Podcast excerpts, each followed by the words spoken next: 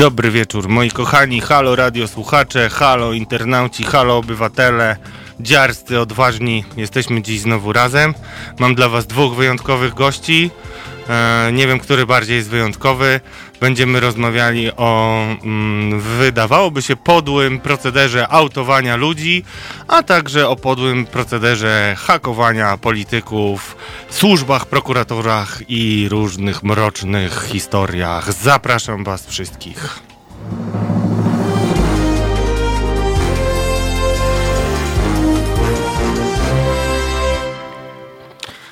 Dobry wieczór, kochani. Jeszcze raz bardzo Wam dziękuję za obecność.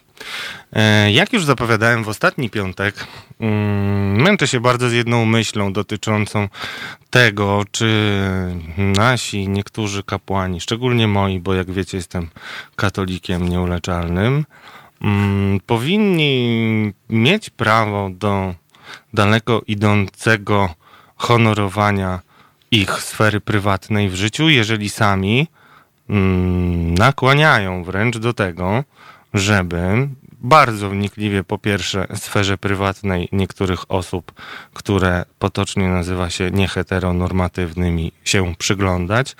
A co więcej, no obawiam się, że z mojego punktu widzenia to wręcz e, e, szczuć na takie osoby, bo ja cały czas nie wierzę w żadną ideologię i uważam, że to jest po prostu prymitywne szczucie na ludzi.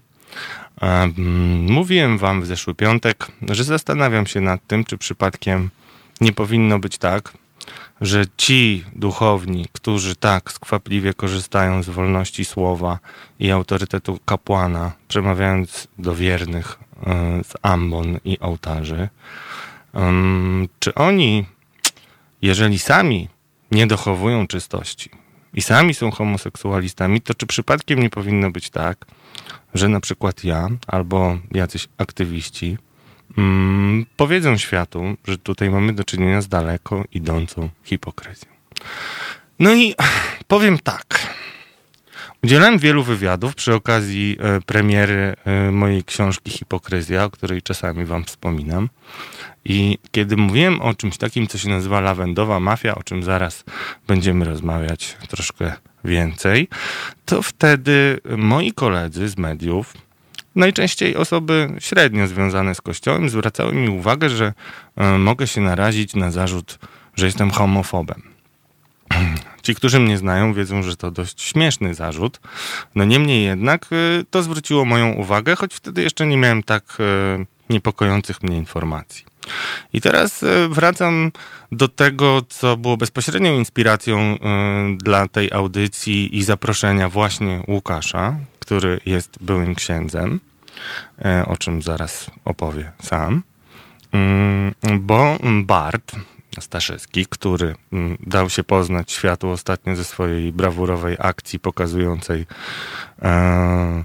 miasta ze strefami wolnymi od ludzi LGBT. Mm, I Bart kiedyś napisał, no autujmy polityków PiSu, raz, dwa, trzy, piszcie do mnie na priv. E, to było chyba 23 sierpnia, o ile dobrze pamiętam. I 24 sierpnia już napisał dużo więcej słów, bo wylał się na niego jakiś totalny e, hejt e, i też zalew różnych pytań. Ja nie wiem, czy e, nasz gość to śledził, zaraz się dowiemy. No i Śledził, no właśnie. Więc przedstawiam wam e, nasz gość, e, Łukasz, który, do którego jeszcze niedawno mówiliśmy księża Łukaszu, tak? E, mm, Łukasz, tytułem wstępu, wiem, że to mówiłeś wiele razy. Mhm. Odszedłeś e, z kościoła jako ksiądz. Mm, jak rozumiem, kiedy napisałeś, że odchodzę z kościoła jako ksiądz, to chciałeś powiedzieć przez to, że nie będę już księdzem, ale nie przestaję wierzyć, tak? Dokładnie tak, taka była intencja. Okej. Okay. E, powiedz mi, e, jak do tego dochodziłeś? Zacznijmy od tego, bo kiedy napisałem ci e, zaproszenie na Facebooku, to odpowiedziałeś mi bardzo lapidarnie i nie wiem tak naprawdę, co myślisz o mojej koncepcji. Znaczy, bo ja jestem przekonany, że jeżeli ktoś jest hipokrytą, a do tego, nazwijmy to delikatnie, nienawistnikiem, e, żyje inaczej niż e, twierdzi, że trzeba żyć i to z autorytetem e, kapłana, ale też takim wyjątkowym autorytetem w Polsce, czyli Alter Christi, tak? Czyli ktoś, kto w oczach wielu wiernych, szczególnie starszych pokoleń, jest, ja to nazywam półbogiem, chociaż nie chcę nikogo Mhm. oskarżać o bluźnierstwo. E, Ty jesteś gejem, mm, jesteś, jak rozumiem, szczęśliwy. Szczęśliwym gejem. Jesteś To szczęśliwym gejem, bo nie musisz już niczego udawać. E, I jesteś bardzo odważnym człowiekiem. E, ja ciebie podziwiam. I też jak parę miesięcy później, po twoim odejściu i też takim jednoznacznym proteście przeciwko temu, co się dzieje w, w ramach operacji Tęczowa Zaraza, tak to nazwijmy, chyba wszyscy wiemy, o czym mówię. O, ty w przeciwieństwie do na przykład jednego syna znanej polityczki e, zachowałeś się uczciwie w stosunku do swoich parafian, pożegnałeś się, e, wyjaśniłeś swoje intencje, wyjaśniłeś kim jesteś. E, no i co dalej? Jak ty w ogóle widzisz siebie w tym świecie poza kościołem? Jak ci jest? Jak ludzie, którzy często przecież są wrodzy wobec kościoła, e, mogliby ułatwić takim osobom jak ty, których, jak słyszymy, jest coraz więcej, coraz więcej księży odchodzi z kapłaństwa. I dla mnie, powiem szczerze, to jest dobra wiadomość, bo ja cenię jakość, a nie ilość. I wydaje mi się, że tej jakości w kościele trochę brakuje. I teraz już się zamykam, moi kochani, bo to nie ja jestem No nie, dzisiejszym to- bohaterem. Tak, dajesz Ale- mi całkowicie. Nie, nie, nie, nie. no to powiedz, E, Dobrze, powiedz. może tak po kolei faktycznie, bo zaczął, do, poruszyłeś dużo, mm, dużo tematów. Mm, Przepraszam. To, co mówił, e, to, co mówiłeś o Barcie, a faktycznie śledziłem to, mm, jak Bart napisał u siebie na, e, na Facebooku mm, o tym autowaniu polityków. PiSu polityków, bo on jasno powiedział, że jakby on potem Tak, tak. tłumacząc, że Tak, chodziło tak. o to, że skoro PiS No tak, tych homofobicznych, jednego- tak? Mhm, mhm. e, tych, którzy jakby do tej całej nagonki się e, mm, dokładają czynnie. Mm, Powiem szczerze, że nie byłem w tym e, chórze e, zwolenników tego.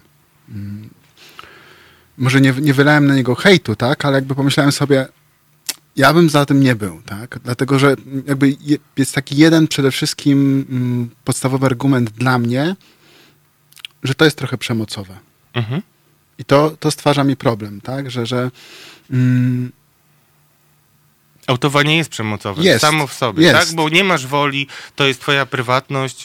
Tylko na ile to jest e, sytuacja wyjątkowa? Bo jeśli chodzi o polityków, to ja mogę długo rozmawiać, bo ja zajmowałem się politykami i to w takim e, twardym też wydaniu. Ja pracowałem, nie wiem czy wiesz, pracowałem w Fakcie przez wiele lat. E, to jest gazeta uważana za krwiożerczą, podłą i obrzydliwą. I tak było zanim tam zacząłem pracować. Później była bardzo twarda, ale nie przekraczała pewnych granic. Niemniej jednak na przykład pisałem o kochance e, pana posła e, PiSu, byłego Łukasza Zbonikowskiego, no bo on przedstawiał się, był w pierwszym e, rzędzie zawsze na pielgrzymkach. To znaczy te pielgrzymki jego to tak naprawdę trwały, znaczy mm, odbywały się tylko z centrum miasta do rogatek miasta, no ale to już zostawię. No ale to był przykład absolutnej hipokryzji. E, I tą hipokryzję uważam, że media, ja wyznaję taką amerykańską, amerykańskie podejście, że tutaj jeżeli mówisz coś innego niż robisz, no to e, rolą mediów e, i opinii publicznej jest to, żeby dostać informację, czy tak jest naprawdę. A na ile to jest specyficzne, jeśli chodzi o księży? Znaczy, nie wiem, czy jest specyficzne, jeśli chodzi o księży, bo tutaj to, co mówisz, jest, jest bardzo sensowne, tak? Więc jakby e, ja sam jakby nie zrobiłbym tego, bo gdzieś tam jednak jakoś tak e, w mojej takiej osobiście etyce no, trochę jest to przemocowe i, i, i nawet to, co mówisz, jestem w stanie to zrozumieć, tak? Więc jakby, nie wiem, e, Bart, ty czy ktoś tam by to zrobił, nie potępiłbym tego, tak? Bo to, to, to, co powiedziałeś z pozycji dziennikarza e, mediów, które mają prawo dociekać osób publicznych, jakby pokazywać sprawę, że wygląda inaczej. Myślę, że to jest. No po to są media, tak? Też. E, I, i, I tutaj masz rację. Ja sam bym tego nie zrobił, bo jednak gdzieś bym miał jakąś taką blokadę. E, Myślę, że co do księży, jakby nie trzeba tutaj żadnych innych kategorii stosować, tak? Więc myślę, że w tych samych kategoriach można by ich e, w takim razie wpisać, nie? Że, że No tak, bo głoszą pewne rzeczy publicznie, tak? I o ile, mm, nie wiem, samo życie y, podwójne mm, też dla mnie nie jest jakimś takim powodem, żeby, żeby kogoś autować. Nie wiem, czy nawet polityków. Ja rozumiem specyfikę mediów, które muszą też pewne rzeczy podchwytywać, tak? E, ale nie wiem, no, no tak samo jak sobie myślę o tym, gdybym znał sąsiada, y, który ma żonę, i bym wiedział, że ten sąsiad ma kochankę, czy ja bym leciał do tej żony e, mówić jej o tym, że ten sąsiad ma kochankę. Chyba bym tego nie robił, nie? E, więc jakby to nie jest dla mnie też takie automatyczne, ale w tym momencie faktycznie, kiedy, kiedy ktoś e, sieje nienawiść wobec innych, będąc jakby tak naprawdę, no, tutaj w tym przypadku kryptogejem, tak? Mhm. A, a gdzieś wpisuje się w tą nagonkę na gejów, mm, no, tutaj bym przełknął chyba łatwiej taką, takie wyautowanie publiczne. Chociaż mówię, E, osobiście, osobiście tutaj bym jakoś takiej swojej cegiełki do tego nie przykładał. No właśnie dlatego cię nie będę namawiał, ani cię ciągnął za język. Zresztą nasza audycja i tak będzie miała dość dużo różnych wiraży, a wcale uważam, że gdybyśmy teraz sobie zaczęli plotkować, a ja mógłbym to zrobić, ty pewnie byś był tylko skrępowany tym, e, chociaż na pewno masz swoje obserwacje i przemyślenia, ale to nie o to chodzi. Dzisiaj jakby konstytuujemy sobie w ogóle myślenie na ten temat, e, czy bo do, do tej pory jeszcze takie rzeczy nie miały miejsca, jeżeli chodzi o przestępstwo. Ja ostatnio mogę powiedzieć wam, rozmawiałem z bardzo, bardzo mm, dla mnie też mm, dużym autorytetem, ważną dziennikarką znaną, e, o tym, o ewentualnym, że tak powiem, wyautowaniu jakiegoś znanego kapłana. E, no i tak się pytałem, czy ktoś by mógł to, jako na myśli, kto mógłby z mediów to um, opublikować. No i powiem wam, że nie była przekonana, że specjalnie dużo tytułów będzie gotowych coś takiego zrobić. Inna sprawa, i to też zostawmy na chwilę, na ile mocno można e, autować kogoś, nie mając bardzo twardych dowodów. I trudno jest też to oceniać, co, co to by było takim twardym. E, no tak, to już by wchodzić w jakąś taką plotkę też, nie? Tak, że, że tak, łatwo tak. No rzucić taką, no znaczy, no, no wie, znaczy, jeśli chodzi o autowanie kochanki y, posła Łukasza Zbonikowskiego, to miałem jego SMS-y, zdjęcia nagie, które wysyłała jego kochanka. Ona jeszcze była asystentką y, europosła PiSu, innego, nie chodziła do pracy, no tam była w ogóle Sodoma i Gomora. Y, od razu y, tylko cię poinformuję, że mamy dużo komentarzy, więc postaram się je też doczytywać, y, okay. co będzie nam troszkę zaburzać narrację. Ale pierwszą podstawową rzeczą, którą chciałem cię spytać... E, to było dla mnie bardzo przejmujące. Już o, słuchałem kilku Twoich wywiadów o tym Twoim doświadczeniu, które miałeś w Białymstoku. O tej agresji, właśnie. To już było. E, pamiętam, że było, na pewno to było latem i na pewno było to już po wypowiedzi arcybiskupa Marka Jędraszewskiego. No tak, to był dokładnie 20 lipca. Aha, no to nie, to to było przed w takim razie, bo chyba tęczowa zaraza się zaczęła 1 sierpnia, jeżeli dobrze pamiętam. Więc e, no, no, okej, okay, to, to, nie ma znaczenia. To, tak, tak czy inaczej, taki nastrój niechęci. Znaczy, na pewno już było też po tej sprawie, tak, e, po, po Płocku, tam już się mocno tak, już się mocno zaiskrzyło, także mhm. tam już, już takie szły takie wypowiedzi. Tutaj przed Białym Stokiem arcybiskup Białego Stoku, e, Wojda, tak, wydał też taki list, taką odezwę już wcześniej, także ona też bardzo mocno podgrzała atmosferę, także tu już, już Kościół się zdecydowanie zaczął wpisywać w taką nagonkę. Ty byłeś 9 lat księdzem. Czy uważasz, że Kościół, e, który jest bardzo krytykowany na naszym forum, będę, będę na pewno e, ci czytał za chwilę, ale czy ty uważasz, że Kościół, polski Kościół, no innego e, ani ty, ani ja nie znamy tak mocno, jest taki genet, znaczy ma w DNA jakąś homofobię? To kwestia jest tego, że my jesteśmy do, dość konserwatywnym społeczeństwem, bo często, szczególnie w komentarzach, jak czytam je, staram się tą audycję traktować jako takie odczarowywanie Kościoła mhm. z różnych czarnych mitów poprzez piętnowanie tych rzeczy, które są ewidentnie czarne i nie są mitami. Eee, ale sam byłeś gejem, nie wiem, mm, jesteś, ale byłeś gejem w kościele. Tak, tak. Czy ty to już wtedy odczuwałeś od początku? Bo ty byłeś kapłanem bardzo oddanym e, sobie i powiem ci, co, dlaczego jest mi tak przyjemnie z tobą też rozmawiać dzisiaj i nawet w pewien sposób czuję się zaszczycony, że się zgodziłeś przyjść, bo kiedy robiłem moje pierwsze śledztwo, które dotyczące pedofilii w kościele, Jednym z moich informatorów, ja piszę o tym w książce, był ksiądz, który był gejem i został usunięty z seminarium właśnie w związku z tym, że był gejem i wtedy już zaczęła obowiązywać ta instrukcja Benedykta XVI. Mhm.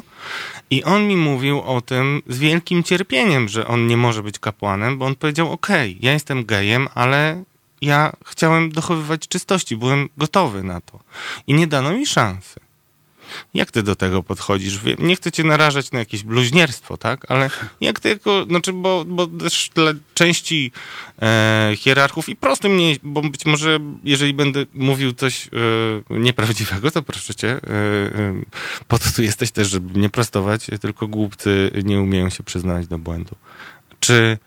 Um, no jakie jest twoje podejście? Czy gej może być kapłanem w ogóle? I jakie jest twoje podejście, a jak na to patrzy się od strony samych duchownych z wnętrza kościoła? Czyż z, z mojej strony, z tego co myślę, mm, nie ma przeciwwskazań co do tego, tak?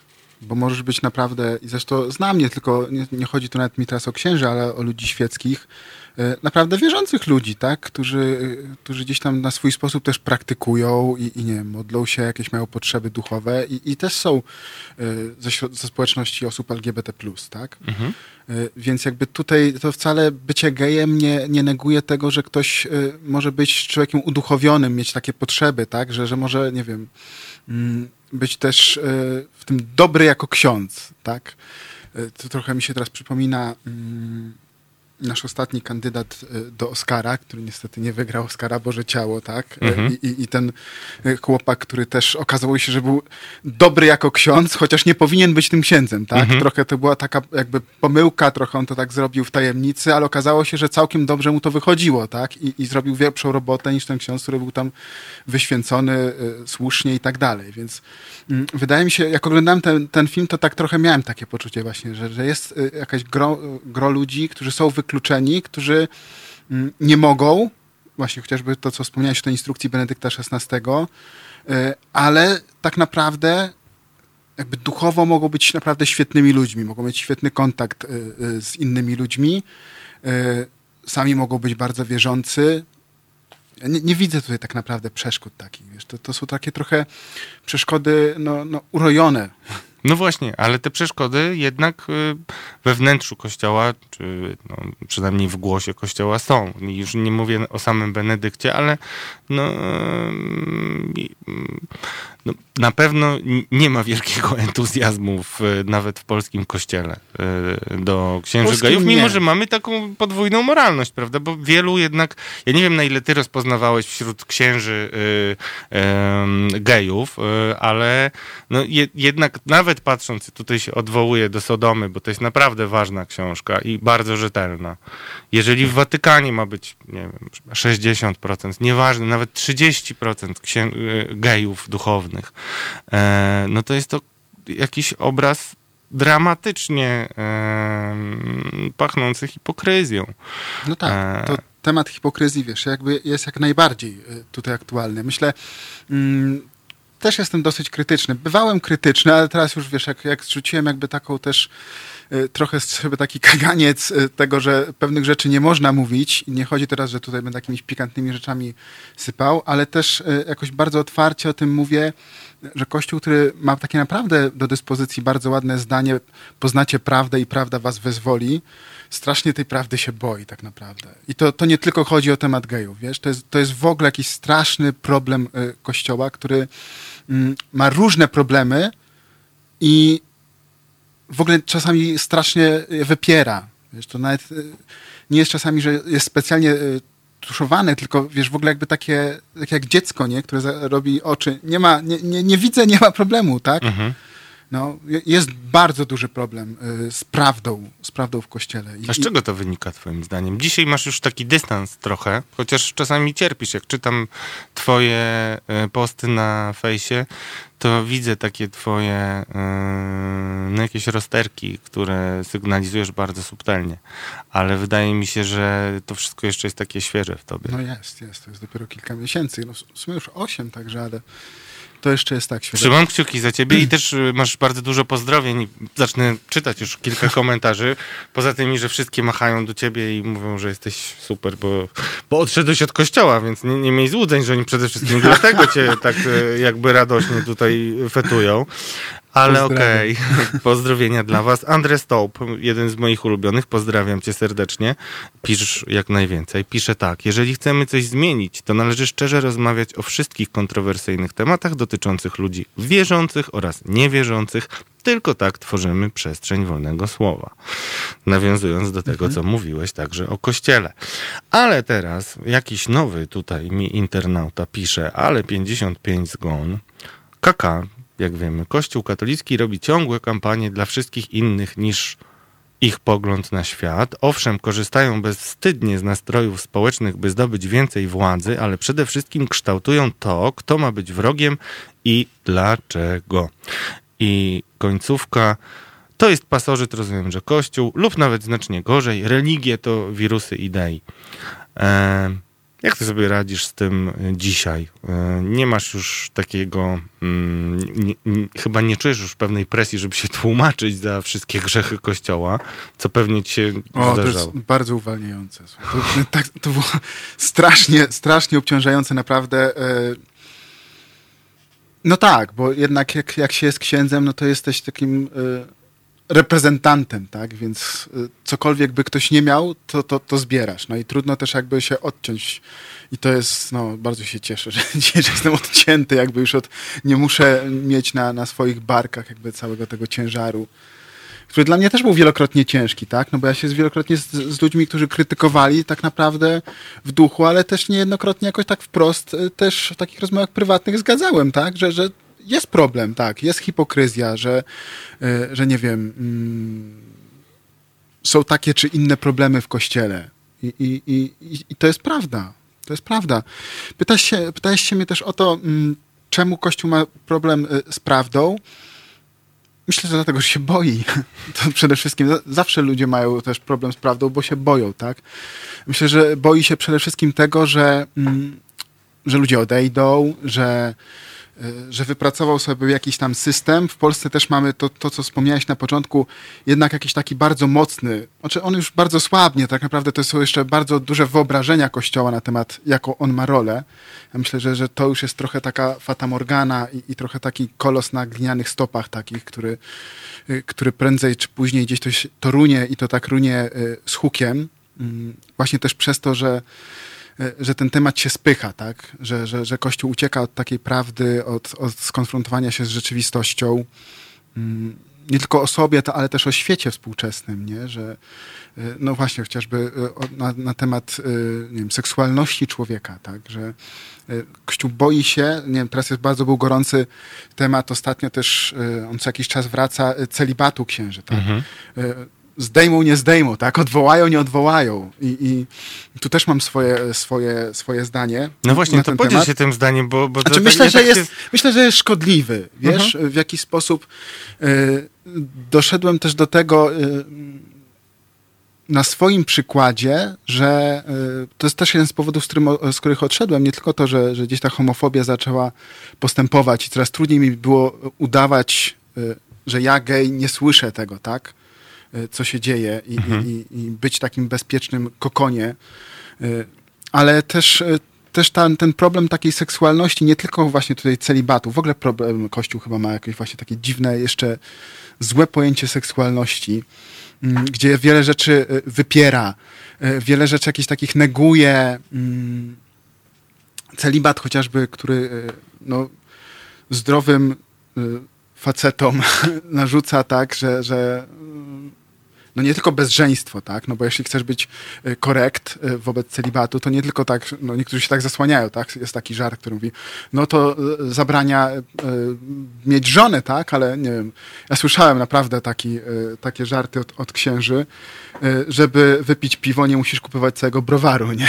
No. Także, no okej, okay, fajnie, nie? Jakby niby formalnie tak, no ale wszyscy wiemy, że to jest właśnie hipokryzja, tak? No bo jakby w całej idei też celibatu chodzi o to, żeby, żeby w ogóle zachować tą czystość. No ale wyparcie jakieś takie, wiesz, czy, czy wycięcie w ogóle takiej sfery seksualności z człowieka, no rodzi jakąś wielką lukę, nie? Wielką wyrwę. I teraz człowiek musi jakoś, ma, to w nim, w nim naciska, tak? To, to nie wytniesz tego, nie wiem, jak, jak w komputerze wytnij, tak? I, I teraz ja, ja co, nie miałem przez te lata jakiejś swojej seksualności? No miałem. Musiałem ją tłumić, tak? A to psychologia powie bardzo jasno, że to, co jest tłumione przez długi czas, też wypierane jakoś takie, e, no staje się patologiczne. Nie wiem, czy Mhm. oglądałeś serial Czarnobylu, ten e, Oczywiście. nowy. Mhm. Tam jest fajna scena. Ja jak oglądałem, to też później mi się to skojarzyło e, w tym, te, w tym kontekście. Mm, Tam e, jak ta pokrywa zaczyna już tak latać, nie? To, Mhm. ciśnienie rośnie w tym, e, w tym zbiorniku, w tym reaktorze i to wszystko zaczyna już tak buzować i w końcu jest to, ta wielka eksplozja. I w człowieku też tak jest. I, i myślę, że mm, z tego, co obserwu- obserwuję, obserwowałem, też trochę na sobie też to widziałem, ja uruchomiłem ten wentyl bezpieczeństwa, bo już zobaczyłem, że już dłużej nie mogę. Zacząłem się bać trochę sam siebie też. E, A co przez to rozumiesz? Zaraz ci powiem o tym, bo e, w sensie mm, zobaczyłem też, że e, łatwiej mi jest na przykład, coraz łatwiej też trochę sięgać po alkohol. Mhm. A jak sięgam po alkohol, trochę jakieś tam robię jakieś... Nie panuję, nad, nie kontroluję nad siebie, nie? Więc nie, to jest nie okej, tak? Bo to mnie, to mnie za chwilę po prostu zeżre i, i stworzy ze mnie jakąś karykaturę człowieka, której nie chcę, tak? Pchnie mnie w jakąś patologię, nie wiem w jaką. Ja sobie też myślałem o tym, mm, są, to nie tłumaczę teraz, to nie jest na zasadzie tłumaczenia ludzi, ale y, a propos też ostatnio y, dużo się o tym mówi i dobrze, że się o tym dużo mówi, o pedofilii w kościele. I tak sobie, wiesz, też próbowałem to jakoś y, myśleć nad tym, że to też nie jest tak, no, że nie wiem, do seminarium czy do seminariów y, no, idą naprawdę, wiesz, y, ciągną tylko po prostu tabuny zwyrodnialców, tak? Mhm. z zasady, tak, bo, bo, bo tak. E, Myślę, że, że to jest właśnie problem jest e, gdzieś tutaj, że, że ludzie sobie zaczynają też trochę nie radzić. Naprawdę znam e, wielu księży, e, także i teraz, ale także i takich, którzy odeszli, którzy, i, i tacy, którzy są ciągle, którzy naprawdę byli, są ideowi. I, I przyszli naprawdę głęboko wierząc w to, co chcą robić i, i, i, Czując powołanie. Czując powołanie, tak. To co, to, co mówimy tak. właśnie tak krótko, jako, jako czując powołanie, tak? Ale też wiem, y, jak, jak wielu y, księży to przemieliło właśnie to, że nie wiem, zostają sami na przykład z wieloma problemami. To jest ogromny problem samotności też, nie? Y, Jak wiele rzeczy właśnie wypierają, wielu popada naprawdę w alkoholizm. To, to jest bardzo częsty jakiś taki Tak. problem księży. Alkoholizm, podwójne życie, właśnie tak, czy, czy nie wiem, czy jakieś kochanki, y, czy no nie wiem, jak jest gejem, to, to kochankowie, tak. Y, Nie wiem, nieda- niedawno się zaczęło jakoś o tym głośno mówić, to jeszcze nie na jakąś szeroką skalę, ale już zauważalnie y, o problemie samobójstw wśród księży.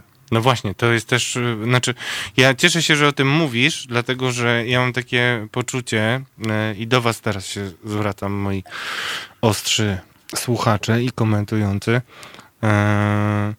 że księża w ocenie osób y, niewierzących są jacyś odczłowieczeni w ogóle. Znaczy, I to jest trochę nawiązuje do tego, co ty mówiłeś, że tak y, lżej ci jest, y, kiedy nie musisz się tłumaczyć za wszystkie grzechy Kościoła. Ja tutaj bardzo twardo stawiam i też czasami twardymi słowami, że mnie bardzo boli to po pierwsze, że mm, w księżach nie widzi się jednostek, ludzi z uczuciami, z e, pragnieniami, ze smutkami, tylko jakieś takie zupełnie inne istoty. E, I, i też y, buntuje się przeciwko temu, co, co cię tak uwierało, czyli przeciwko temu, żeby ksiądz Łukasz się tłumaczył za na przykład e, prałata Jankowskiego, gdzie ty nawet nie wiem, czy w ogóle byłeś w Gdańsku, tak? Znaczy, W Gdańsku może byłem, ale w No. nie widziałem prałata. No i tak. jak, jakie ty masz, jakie, znaczy wiesz, nasi, interna, nasi internauci tak często powtarzają, że no, ale gdyby, e, znaczy ty jesteś w komfortowej sytuacji, bo spełniłeś ich postulat, że nie, nie można być w organizacji przestępczej, e, znaczy skoro krytykuje się organizację przestępczą, ja tutaj parafrazuję niektóre No tak, komentarze. ja znam tą no, narrację no właśnie, no i co o no. tym myślisz w ogóle? No bo ty odszedłeś, ty masz, e, ty jesteś też bardzo wiarygodny dla naszych słuchaczy, no bo oni jakby, okej, no to trudno tobie jakikolwiek zarzut postawić, ale jest przecież wielu księży, którzy jednak nie odchodzi i szuka sobie jakiejś innej drogi. Znaczy, ja myślę, ja wiesz, ja, ja też toczyłem przez wiele lat y, walkę, tak? Można powiedzieć, że mogłem odejść wcześniej, tak?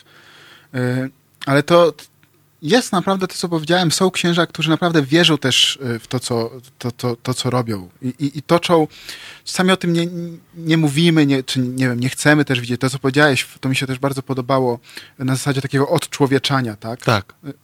Ja dzisiaj naprawdę nie jestem tutaj, y, żeby, żeby bronić księży, zaraz tutaj wyjdę, że tak, a, bo tu syndrom byłego Nie, księdza jakiś nie mi wyjdzie. jesteś tutaj, żeby ale, mówić ale, uczciwie, Żeby mówić bo- uczciwie, tak. tak. Ja, ja wiem też, y, ile mnie to kosztowało, taka walka y, z tym poczuciem właśnie, że nie wiem, jako człowiek wierzący, że, że wierzyłem, że to jest jakaś moja droga i że ja chcę iść tą drogą i żeby jednak zrezygnować z tej drogi, tak? Więc ja myślę, że y, dlatego wielu też nie, nie, nie odchodzi, bo jakby czuje jednak, że to jest, jest ich miejsce, tak? Że y, nie wiem, wielu ludzi świeckich znam też takich, którzy cierpią z tego powodu, że Kościół jest tak, jaki jest, że jakieś ma tam problemy, że są tacy, nie wiem, ich proboszcz w parafii, ale nie wiem, na tyle dla nich jest, jest ich ta, ta sfera duchowa, y, nie wiem, przywiązanie do kościoła, do sakramentów jest ważne, że oni sobie nie wyobrażają, że jak odejdą, że powstanie dziura, tak? Mhm. Że oni mają taką potrzebę, że mimo wszystko, że ten proboszcz jest taki, a nie inny w tej parafii, oni jakby przychodzą w innej intencji, tak? Mhm. już trudno olać tego proboszcza, przecierpią, często później też muszą to jakoś odreagować, nie wiem, tego głupie kazanie, te gadanie o pieniądzach kolejne i tak dalej, o kolejnej zbiórce, a mimo wszystko przychodzą, tak? Bo mają jakieś głębsze, e, głębsze jakieś duchowe potrzeby, więc myślę, że to nie jest wcale tak łatwo sobie powiedzieć, a no bo instytucja jest zła, więc teraz sobie, no niech wszyscy odejdą, tak? Mhm. No nie, no bo właśnie to, co powiedziałem, są w nich jakieś potrzeby, których jednak trzymają przy, przy tym kościele, tak? Fajnie. Dziękuję ci. Od razu będę. Mam, mam dużo pytań. Nawet tutaj do mnie na prywatnym e, privie e, kolega pisze, który nas słucha, więc niech napisze po prostu pytanie, a nie wielki elaborat, to je podam. E, Raven77. Pytanie do pana Łukasza. Co pan myśli o stwierdzeniu Krzysztofa Haramzy, że w kościele nie ma homolobby, zwłaszcza w kontekście Sodomy? Trochę się domyślam, e, co chce Raven, e, o co chce Raven spytać, ale tak do końca nie wiem. A jak ty myślisz? Czy, czy co ty w ogóle myślisz o tym, e, o, o tej narracji homo lobby, Lawendowej mafii. lawendowa mafia, tak. Znaczy, powiem szczerze, że mm, znam y, księży, którzy są homoseksualistami i, i dalej są nawet czynnymi księżmi i wiem, że są. Mm, ale jest prawdą, że jakby ja się nigdy nie zetknąłem z takim czymś, nie wiem, tak jakby istniał powiedzmy klub, Mhm. tak? Z jakimiś Klub księży na, gejów, mówmy wprost, e, z, tak. z orgiami na, na Albo na... w sensie jakiś taki, wiesz, nie wiem, y, stowarzyszenie y, ukryte księży gej, którzy się wspierają i Mhm. tak dalej. Nie wiem, coś na zasadzie jakiejś loży masońskiej takiej ukrytej, to też w takich różnych teoriach się... Nie wiem, być może, być może nie w Watykanie są. Ja nie neguję tego, na przykład to, co powiedział Marcel, y, Martel y, w Sodomie, tak? Mm. Ale osobiście się jakby nie spotkałem z tym, że, że, że istnieje jakaś struktura taka, tak? Która to może być jak najbardziej na zasadzie, nie wiem, mm, kolesiostwa, Mhm. mm, że ktoś tam kogoś zna. To też jest taki problem e, w ogóle wśród księży. Jak w niektórych innych takich e, sferach, gdzie, gdzie ludzie się dobrze znają e, i trochę krycia siebie nawzajem. Albo przynajmniej takiego e, wiem, ale i tak nic nie mówię, tak? Jakby- Albo łączy nas wspólna tajemnica. albo łączy nas wspólna tajemnica, nie? Albo łączy nas to, że mam tajemnicę, którą znam na ciebie i która może ci zaszkodzić. Spotkałeś się z takimi zagrywkami, bo powiem ci szczerze, ja najgorsze oblicze kościoła, jakie zobaczyłem, to właśnie kiedy robiłem pierwsze śledztwo dotyczące księdza Dymera, e, który, gdzie rozmawiałem z księdzem, który wdał się w taką walkę z nim właśnie jakby ujawniając jego skłonności pedofilskie. I został zniszczony w bardzo prosty sposób, bo poszły donosy e, na, na, na, na tego księdza, on był gejem, e, miał jakiś tam partnerów, jakieś tam mm, po, pojedyncze sytuacje, ale poszedł od razu wielki donos, że on robi jakąś po prostu totalną orgię na, na plebanii i miał wielkie problemy i tam y, już zaczęły się szantaże. No w ogóle to jest historia, która wydawała mi się być nie, nie, do, nie do uwierzenia, że, że coś takiego robią jest, ludzie. Jest zawiść, jest, jest ogromna, naprawdę. Znaczy ogromna, w sensie nie chcę tutaj też jakoś eskalować i robić takiego nie wiadomo Nie jakiego musisz, wyobrażenia, to, ale... wiesz, wyobrażenie jest takie, że... tak, ale, no. ale jest, jest, oczywiście, że jest, jest e, taka e, zawiść, jak naciśniesz komuś na, na odcisk, to ci ktoś odda, także Właśnie to jest, ale to jeszcze chciałem cię spytać, mamy telefon, zaraz spytamy, ale wiesz co, chciałem cię tak spytać, bo mówiłeś o tym celibacie. Czy to jest trochę tak, bo my jako... Dobra, posłuchajmy, a zaraz o celibat cię spytam, Jasne. jak, jak księża myślą o tym.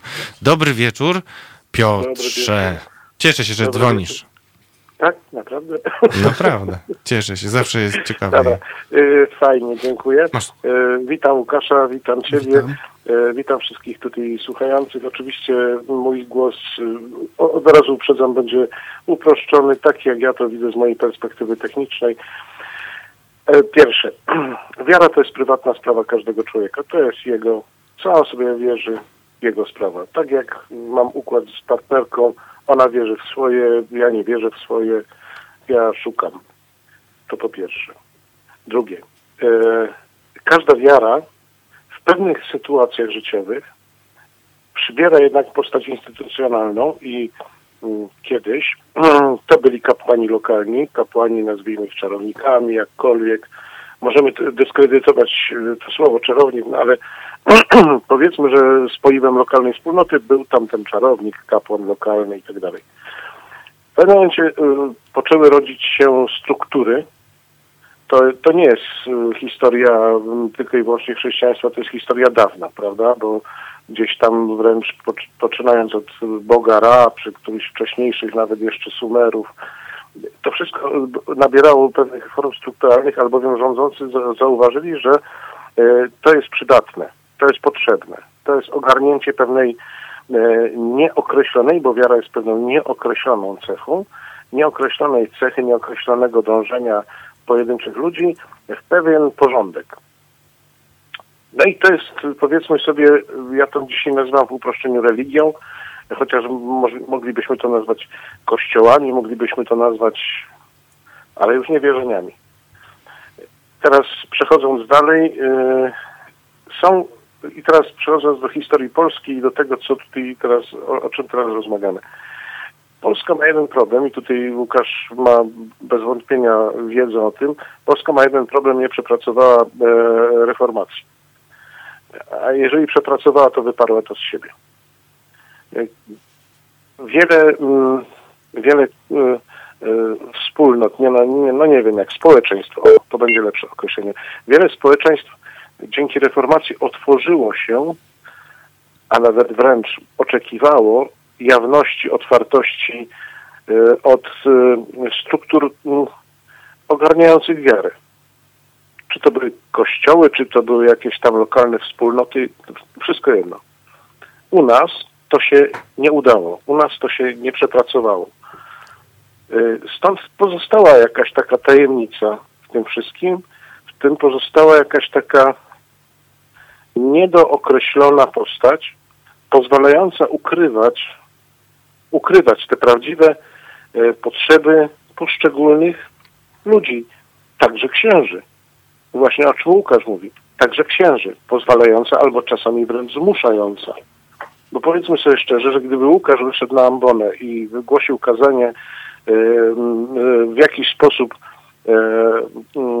pochwalające otwartość na inne orientacje seksualne, to myślę, że jego wierni wszyscy by z tego kościoła, albo większość z nich wyszła. Być może paru by pozostało z otwartymi ustami. I powiedział, o kurczę, nareszcie słyszę to, co chcę. Ale tylko paru, parunastu. Więc tutaj ta, ta, taka tajemniczość e, tutejszego kościoła nie służy tej otwartości, nie służy temu kościołowi. I to Łukasz to powiedział. No po prostu nie można e, żyć w zgodzie ze sobą, żyjąc w zamknięciu, żyjąc w tajemnicy. Tajemnica jest świetna prywatnie, ale tajemnica nie jest dobra wobec społeczności. No i tyle tego. Łukaszu, szacunek. Dzięki Dziękuję. wielkie. E, Łukasz, chciałbyś jakoś skomentować? Tak, ja bardzo się zgadzam też, bardzo dziękuję e, za ten głos i myślę, że on jest, jest bardzo ważny.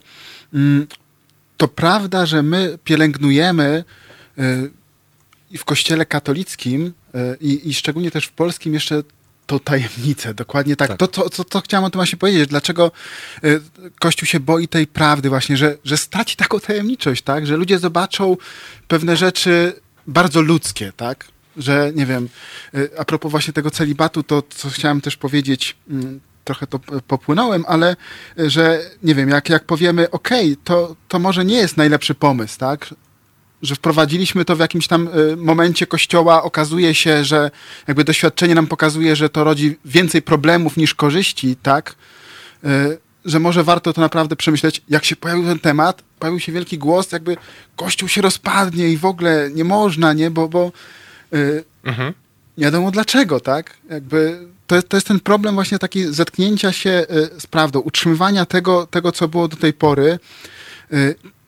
Y, to nazywamy takim twardym konserwatyzmem, tak? Czyli mhm. jakby y, Kościół zawsze miał do tego taką tendencję. Mm, Kościół katolicki do takiego konserwatyzmu, czyli wielkiej nieufności wobec tego, co jest nowe. Mhm. jeden z papieży, nie wiem, czy, czy to wiesz, to, to jest prawda, wydał cały taki dokument, jak przychodziła rewolucja przemysłowa, I, I, bardzo się bał Kościół wtedy też tej rewolucji przemysłowej, że właśnie są zmiany społeczne, teraz wszystko runie, cały system i, i Kościół jak się odnajdzie w tym, w tym nowym społeczeństwie, gdzie miał już jakąś tą swoją rolę, nie? E, w feudalizmie i tak dalej, bardzo taką poważną. E, jak się pojawiła kolej żelazna, wydał dokument który nazywa kolej żelazną wymysłem szatana, nie? Także no to ze, ze, strachu po prostu, tak? Właśnie, żeby, żeby została ta, ta tajemniczość, ta jakaś taka... Mm, to jest też trochę chyba potrzeba władzy, wiesz, w tym wszystkim. O. Tak, potrzeba władzy, dlatego też bardzo ciężko jest na przykład u nas e, w kościele w Polsce też e, to, co na przykład papież Fraciszek mocno krytykuje jako klerykalizm, tak? Że to trzymanie tego całego steru, wszystkiego w rękach księży, i my się, my, już nie my, no tak, e, księża się bardzo tego boją, bo właśnie wpuścić, nie wiem, e, świeckich do zarządu pieniędzmi na przykład, tak, w mhm. parafii. No właśnie. W wielu kościołach na zachodzie, także katolickich, nie wiem, w Stanach, w Niemczech jest to norma kompletna, tak, że, że te rady parafialne naprawdę mają coś do powiedzenia. Nawet więcej często w takich sprawach administracyjnych niż ksiądz. Nie? Mhm. U nas jest mhm. ciągle jakieś takie wyobrażenie, że jak ksiądz tego nie, nie, nie będzie trzymał w swoich, w swoich rękach, no to jest niemożliwe, tak? I to jest bardzo dziwne. Nie, nie potrafię ci tego wytłumaczyć, tak? Ale to jest właśnie jakaś taka ta, ta tajemnica właśnie, ta, to, to, co Piotr powiedział, tak? Że nie wiem, nie powiemy jawnie na przykład o, o, o wszystkich finansach, nie powiemy, y, nie dopuścimy ludzi świeckich, nie, nie postawimy na transparentność, na przejrzystość, tak? I to nawet nie chodzi o to, że, że od razu jakieś, y, o jakieś machlojki, ale jest jakiś taki lęk, nie wiem, bo ludzie zobaczą na przykład, że jest ile, tyle pieniędzy y, i nie wiem, nie będą chcieli dawać więcej, bo powiedzą, że one są na koncie czy coś. No, jest, jest coś w tym jakieś takie. Dla mnie to jest paranoia po prostu i szczerze mówiąc, na szczęście znam wiele kościołów, które coraz więcej mają e, takiego dialogu z wiernymi. E, szczególnie pozdrawiam tutaj archidiecezję gdańską, która będzie niedługo na topie. I zapraszam Was do kiosków, na pewno zobaczycie dlaczego w poniedziałek. A teraz mamy telefon kolejny. E, witam, Wiktor z tej strony. O, witam, Wiktor. Wiktor Porycki. Pozdrawiam tak, serdecznie. Znamy. Nie wiem, czy wiesz, kim jest Wiktor. Chciałem tylko, żebyś wiedział. Wiktor jest e, e, byłą ofiarą księdza, ale też e, teraz pomaga w tworzeniu Fundacji Świętego Józefa, która będzie pomagać ofiarom pedofilii. A przede wszystkim jest człowiekiem odważnym, sympatycznym, elokwentnym oraz nie bojącym się mówić nawet rzeczy tak kontrowersyjnych jak e, arcybiskupie Głodziu, podaj się do dymisji, oddaj majątek i tak dalej. Mm. Witam cię Wiktorze, co chciałeś nam powiedzieć albo o, o co chciałeś zapytać? Raczej powiedzieć chyba, a może i zapytać. E, słucham waszej oczywiście rozmowy i skojarzyła mi się taka jedna rzecz. Kościół w tym wydaniu katechizmowym, naukowym nazwijmy to, jest określany jako wspólnota wiernych. Natomiast jeżeli się popatrzy na takie zwykłe życie parafii, nie parafii, e, instytucji kościelnych najróżniejszego szczebla, szczególnie w Polsce, to, to jest nieprawda. To jest na dole stado baranów do strzyżenia, a na górze stan kapłański. Stan. Coś, co pobrzmiewa bardzo głębokim średniowieczem i podziałem społeczeństwa właśnie na stany. Są ci na dole do roboty, do wszystkiego innego, także do dawania pieniędzy i są ci na górze, hierarchia. Ci, którzy wiedzą lepiej, są powołani do rządzenia i właściwie do wszystkiego innego. Dla szarych wiernych dla laikatu, bardzo często w tym naszym kościele nie ma miejsca. To są jakieś pośrednie, takie pośrednie, przepraszam, pośrednie funkcje, gdzieś coś tam mogą posprzątać kościół, ustawić kwiatki na ołtarzu i właściwie najczęściej na tym się bez mała kończy. Może tu też jest przyczyna, że nasz Kościół, nie chcę mówić o innych, bo ich bardzo słabo znam, ale nasz Kościół jest bardzo przesiąknięty klerykalizmem. I ta monarchia absolutna, która w Kościele jest, jest bardzo mocno tu u nas widoczna. Nawet kiedyś słyszałem takie powiedzenie, że jak biskup coś tam głosi na ambonie, to nawet Chrystus musi milczeć. Prawda? Więc coś w tym chyba jest. Jeszcze pozwolę sobie na jedno zdanie. Łukasz powiedział tam w pewnym momencie o, o tym wybuchu. No nie da się stłumić seksualności. To jest niemożliwe. Ja pamiętam takie kazanie ojca duchownego w seminarium w Warszawie w 80 albo 6 albo 7 roku do pełnego kościoła kleryków, kościoła seminaryjnego, e, zwrócił się z pytaniem, do czego podobny jest kleryk? Oczywiście konsternacja, wszyscy na siebie patrz, pewnie każdy tam myśli do Chrystusa, do jakiegoś świętego, do czegoś. On się tak patrzy na nich i mówi do czajniczka. E, I tu muszę zacytować jego słowa dokładnie – bo jak się fiutka zatka, to dekielek odskakuje. Też coś w tym jest. Mam takie wrażenie. I jeszcze pytanie do Łukasza, ale takie bardzo cię przepraszam e, e, za zadanie go wprost e, o twój status dokładny, kanoniczny. Ty mhm. jesteś statu laikatem już, czy, czy, czy jak, jak to wygląda? Nie, nie. Ja jeszcze jestem cały czas y, jakby w stanie duchownym oficjalnie, jeszcze mnie tutaj nie, nie przeniesiono do stanu y, świeckiego, ale jestem suspendowany, zawieszony w A, tych wszystkich wiem, co to działalnościach. Znaczy, tak. tak. Mhm. Okej, okay, dziękuję bardzo w takim razie. Dziękuję Ci Wam bardzo. Pozdrawiam. Koleżanka pisała, że mądrze mówisz. Dziękujemy, pan. tak, no, tak. No, bardzo, pozdrawiam. bardzo dobra, mądra wypowiedź. Eee, Okej. Okay. Eee, nie chcę cały czas y, Andrę Stołpa pisać, mimo że bardzo mądrze piszesz, ale Marek Jerzy na przykład napisał Kościół tworzą w większości ludzie przyzwoici, ale instytucja jest zgniła. Czyli odwrotnie niż mówił negatywny bohater kleru. Mhm. Co ty ale myślisz o instytucji? No? Tutaj też to, to, to co przed chwilą y, nasz y, rozmówca, słuchacz powiedział, o tej monarchii, to co też trochę dotknęliśmy wcześniej, właśnie o tej, tej pokusie władzy. To jest właśnie to. To jest wielki grzech, to? To jest, to jest wielka pokusa i wielki grzech, tak. I rodzi wiele problemów, dokładnie tak, bo... Yy... No tak. To, Czułeś się o, o... takim władcą wiernych? Jak ty w ogóle miałeś z tym? Bo, bo m, przemawiasz na ambonie, wszyscy cię słuchają jednak z zapartym no, tchem. Wiesz, że ci no powiem teraz, no. że się nie czułem, nie? No bo... Nie, nie wiem, ja sam, nie, no nie wiem, no ale... No ale tak wielu... się czułem, się teraz nie przyznał, ale... No, ale nie, no Ale też... nie, powiem ci szczerze, że jakby y, faktycznie ja jak idąc do, do kapłaństwa, zawsze wierzyłem w to, że, że jesteśmy wspólnotą. To, to, co tutaj padło, że jakby to jest faktycznie w tych katechizmach i tak dalej, pięknie się o tym mówi w wielu dokumentach, listach y, y, i, i czasami kazaniach, a w praktyce jest to dosyć y, odległe.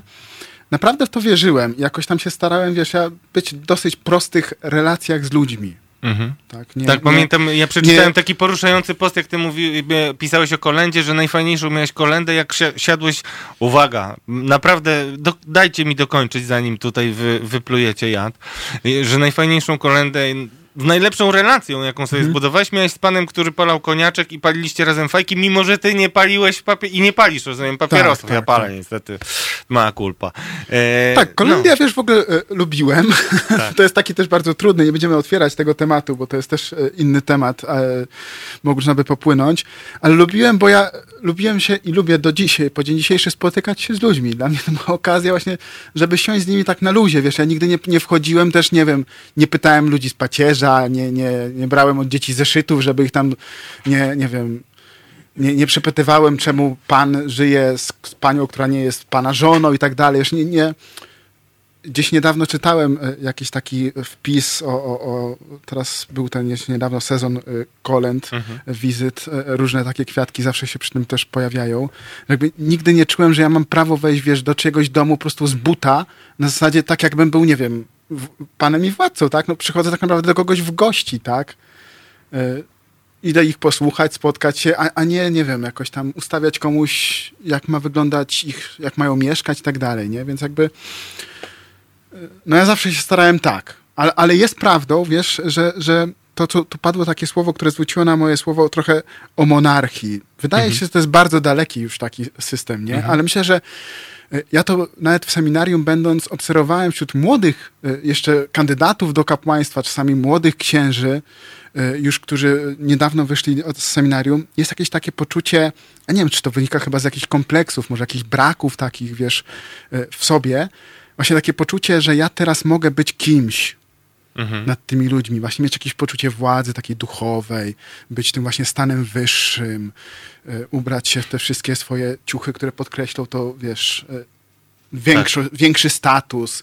Y, to, co w różnych takich żartach księża, czasami faktycznie ta cała mowa księżowska taka, wiesz, na przykład, że księża nie jedzą, tylko spożywają. Ksiądz nie idzie, tylko kroczy. Nie? Wiesz, to, to, to, ja się też z tego, to jest śmieszne, ale Tak. naprawdę w niektórych środowiskach jest to bardzo y, prawdziwe, tak? Że, że jakaś taka właśnie potrzeba dowartościowania siebie, postawienia siebie ponad, ponad ludźmi. No i to, to sprawia właśnie takie, że się tych ludzi nie dopuszcza, że się tworzy właśnie tą tajemnicę, że się żyje w zamkniętym świecie, w izolowanym, y, gdzie te problemy nie wychodzą na wierzch, bo Mhm. bo one żyją w tym świecie właśnie takim getcie księżowskim, zamkniętym, e, enklawie takiej, więc gdyby dopuszczać ludzi świeckich, to byłby automatycznie, no one by wychodziły dużo łatwiej, te problemy, tak? I ktoś by coś z nimi robił. E, Czy byłaby większa szansa, żeby, żeby robić, tak? A jak one tam se żyją tak wśród tych księży, to co wcześniej mówiliśmy, tak? Jeden drugiego tam przymknie oko, bo on też ma jakieś swoje problemy, to przymknie oko na jego problemy, Mhm. tak? I, i, I to tak się kisi w swoim świecie, tak? A Taki- ty masz jakiś złoty środek, bo tutaj rozmawiamy, y, większość naszych słuchaczy mówi, powtarza się to, więc nie będę już cytował dokładnie, że y, nie chcę podpowiadać Kościołowi, ale gdyby się y, wyrzekł celibatu i otworzył na związki jednopłciowe, to ma wszystkie problemy z głowy. Czy wszystkie to nie wiem, bo to ja tak nie wierzę w takie, e, w takie złote środki, które Ja wszystkie nie. problemy, z, tak? E, Ale e, jakąś część myślę, że tak. Myślę, że przynajmniej z taką możliwością. To nawet nie na zasadzie wyrzeczenia się, tylko nie wiem, trochę na przykład tak jak ma Kościół e, prawosławny, tak? Że e, możesz, jeśli chcesz zachować celibat, ale możesz też nie. Więc ta furtka jest w dowolności, tak? A ty uważasz, powiedz mi, bo to, to chociaż nie, już ja mam swoje pytania, ale wy jesteście najważniejsi tutaj słuchacze, więc e, Marek Jerzy znowu pyta, Łukaszu, co mówili ci w seminarium na temat seksualności, jak radzić sobie z popędem? Bo podawałem przykład zakonnicy, której kazali się biczować. No i- co, jest taki problem też, nie wiem jak dzisiaj, ale za moich czasów, to jeszcze nie było tak daleko, to brzmi dobrze, za moich czasów, e, kiedy ja byłem w seminarium, mm, mało się w ogóle mówiło. To jest, znowu wraca to, co ja powiedziałem, że się ucieka od rzeczy Mm. trudnych w kościele. I w przygotowaniu e, nie wiem, kleryków do bycia księdzem ucieka się wielokrotnie od rzeczy trudnych. Od Ale tego, że dlaczego? przyjdzie Żeby- kryzys. Mhm. Nie mam pojęcia. Być może też ze strachu, że ci ludzie No odejdą. Właśnie. Właśnie, A to czyli jest bez ilość sensu. zamiast jakości, tak? Dokładnie, ale to też jest, no właśnie tak, no, zamiast mówić tym ludziom, że przyjdą bardzo realne problemy z samotnością, z seksualnością. Yy, a może też dlatego właśnie, że jakby, no tak, no bo co można wtedy ludziom, yy, takim młodemu człowiekowi powiedzieć? No, no nie wiem, no, no módl się więcej, tak? No to Yy, chyba nie jest yy, idealne. yy, anegdotę, anegdotę dać o, o świętym Franciszku, który jak miał pokusy seksualne, to się rzucał w kępę róż, tak? I, i, I on tam się po prostu wytarzał w tych różach i mu przechodziło, tak? No, no, no, trudno No jest, jest takie rozumiem. opowiadanie, wiesz, o, no wiesz, no uciekanie do jakichś takich, wiesz, no wyższej, wyższej, do duchowości i tak dalej, ale to jest tak naprawdę cały czas jakieś, jakieś, jakieś ucieczkowe, tak, to jest Mhm. wypieranie, można pobożnie wypierać też, tak. Mhm. No jak najbardziej. Uff. Nie ma. No właśnie o to chodzi, że, że, że przez to, że, że ciągle się ucieka od problemu, nie siądzie się i nie, nie, nie wiem, zgodnie nie wiem, z, z, ze współczesną psychologią, y, seksuologią y, i tak dalej, stanem wiedzy na, na, o pewnych mechanizmach, zamiast siąść, przepracować, powiedzieć, mamy problem, ok, dzisiaj, nie wiem, jeszcze nie zrobimy radykalnych zmian, ale wprowadzamy naprawdę szczerą dyskusję na ten temat, podejmujemy, nie, to, to jest ciągle na zasadzie właśnie takiego, nie, nie, jeszcze może ten dekielek od tego Czarnobyla dzisiaj nie wyskoczy, tak? Jesz, Jeszcze może trochę da radę. Okej. Jedno pytanie na koniec jeszcze o, od Gregorego Hausa. Znaczy, takie pytanie, opinię, no, sam ciekaw jestem, co powiesz, bo Gregory sobie konstatuje tak. Okej, no to mamy w studiu geja i pana, który akceptuje homoseksualizm. To wszystko jest sprzeczne z religią katolicką. Zgodzisz się? Ty się zgodzisz? Ja jakoś w ogóle. Ja czujesz, że my jesteśmy jacyś bardzo sprzeczni? No ty masz trochę trudniejszą sytuację, chociaż ja, nie mnie to oceniać. Nie sądźcie, żeby nie być sądzonymi, tak? Znaczy, to jest bardzo skomplikowana sytuacja, znaczy skomplikowane pytanie, bo my patrzymy często teraz właśnie przez to doświadczenie polskie, ale nagle na przykład już wystarczy spojrzeć na naszych sąsiadów, y, co się dzieje na przykład aktualnie w episkopacie Niemiec, który bardzo otwarcie zaczął dyskutować o tym, że trzeba zmienić podejście do seksualności, że trzeba zacząć akceptować, tak, jakby to właśnie y, osoby LGBT y, i, i, i dać im naprawdę y, status normalnych osób w kościele i tak dalej, przyjrzeć się, że, że, że to nie jest na zasadzie już jakiś y, grzech i tak dalej, że trzeba to wszystko, jakby tą, tą naukę zweryfikować i to się mówią naprawdę kardynałowie niemieccy, biskupi poważni na forum, to już wypływa, y, więc y, no tak, jakby, Okej. nie? Jasne. okazuje się, że naprawdę są inne y, części Kościoła katolickiego, które mówią, tak, to nie jest problem. Ale to prawda, że, że jakiś tam problem dzisiaj jeszcze jest, żeby, żeby to było powszechne takie, nie? Powszechnie zaakceptowane. A w Polsce to już, to już w ogóle dzisiaj jest. Mówi się co prawda cały czas o szacunku i tak dalej, że nie należy tych osób, y, nie wiem, potępiać z samej skłonności. Mamy jeszcze jeden telefon. E, dobry wieczór. Widzę, że nie panuję nad czasem, ale kogo mogę e, przywitać? Jolanta? Dobry wieczór, Dobry Jolanta wieczór. Stych. Pani Jolanto, z pytaniem do, e, czy z opinią, bo jak z pytaniem, to ja na sekundkę bym... Ma pani pytanie do, do Łukasza? Y, W zasadzie y, chciałam się tylko Łukasza spytać, y, czy zna Lublin, Kul i Kościół garnizonowy, bo ja z tamtej strony i, i, i tyle. Znam. I tak No mniej przecież- więcej, Chyba przecież wikarym byłeś tam. Byłem tam wikarym, bo, właśnie. Jolanto. w ostatnia moja parafia, także. No i jak pani Jolanto, pani to odbiera, to co, o czym sobie rozmawialiśmy? jakby to powiedzieć, ostan, ostatnia pani, pa- pana parafia. Ja mieszkałam przy Alejach Ocławickich dw- 18. Y, I mieszkałam To tam... po sąsiedzku. Po sąsiedzku, dokładnie. Przykro mi bardzo. Naprawdę. Y, Bo ja y, od 56 roku znam całe, y, całe życie parafii. Mało tego, ja pamiętam, jak moi rodzice umierali i dwóch księży przychodziło. No to na Alejach Wacławickich akurat y, tam mieszkają księża, prawda? Mieszkają, no tak. mieszkają. I pamiętam, jak to wyglądało. Już nie chodzi mi o, o seksualną sprawę. Jak jeden ksiądz podał rodzicowi komunię, a drugi powiedział, szkoda. Hmm. O takich historiach, o księżu, o Obszańskim i tak dalej. A, No tak, no, ty? no, różne, są, różne są historie, to prawda. Ja byłem tam krótko, tylko przez rok, także jakby jeszcze wszystkich. prawda? I to nie wszystkich... tylko o seksualizm chodzi. Mm. O wiele, wiele innych rzeczy.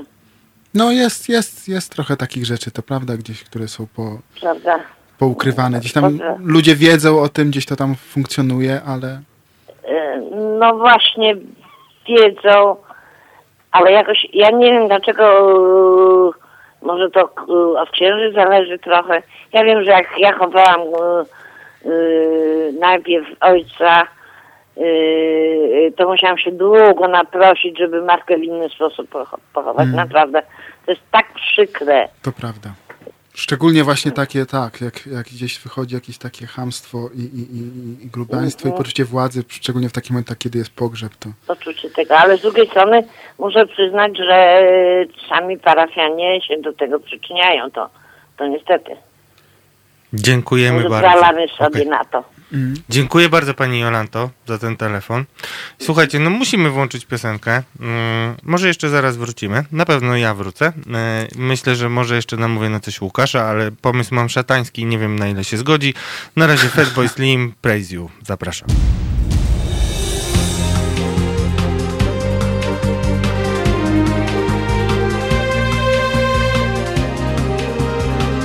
Halo Radio.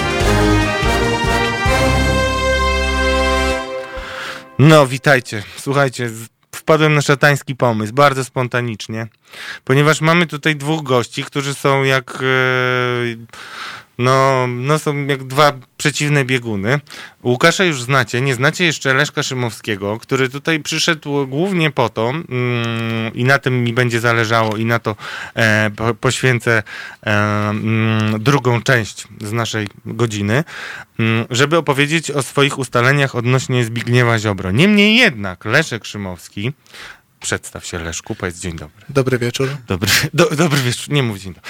E, Leszek Szymowski jest dziennikarzem śledczym, e, pracującym w Angorze e, i naprawdę ujawniającym różne rzeczy, które są na tyle trudne do ogarnięcia dla niektórych, że lepiej je przemilczeć. Myślę, że takie, taką rzeczą jest książka Uwikłany, o której przynajmniej jednym fragmencie będziemy dzisiaj rozmawiać.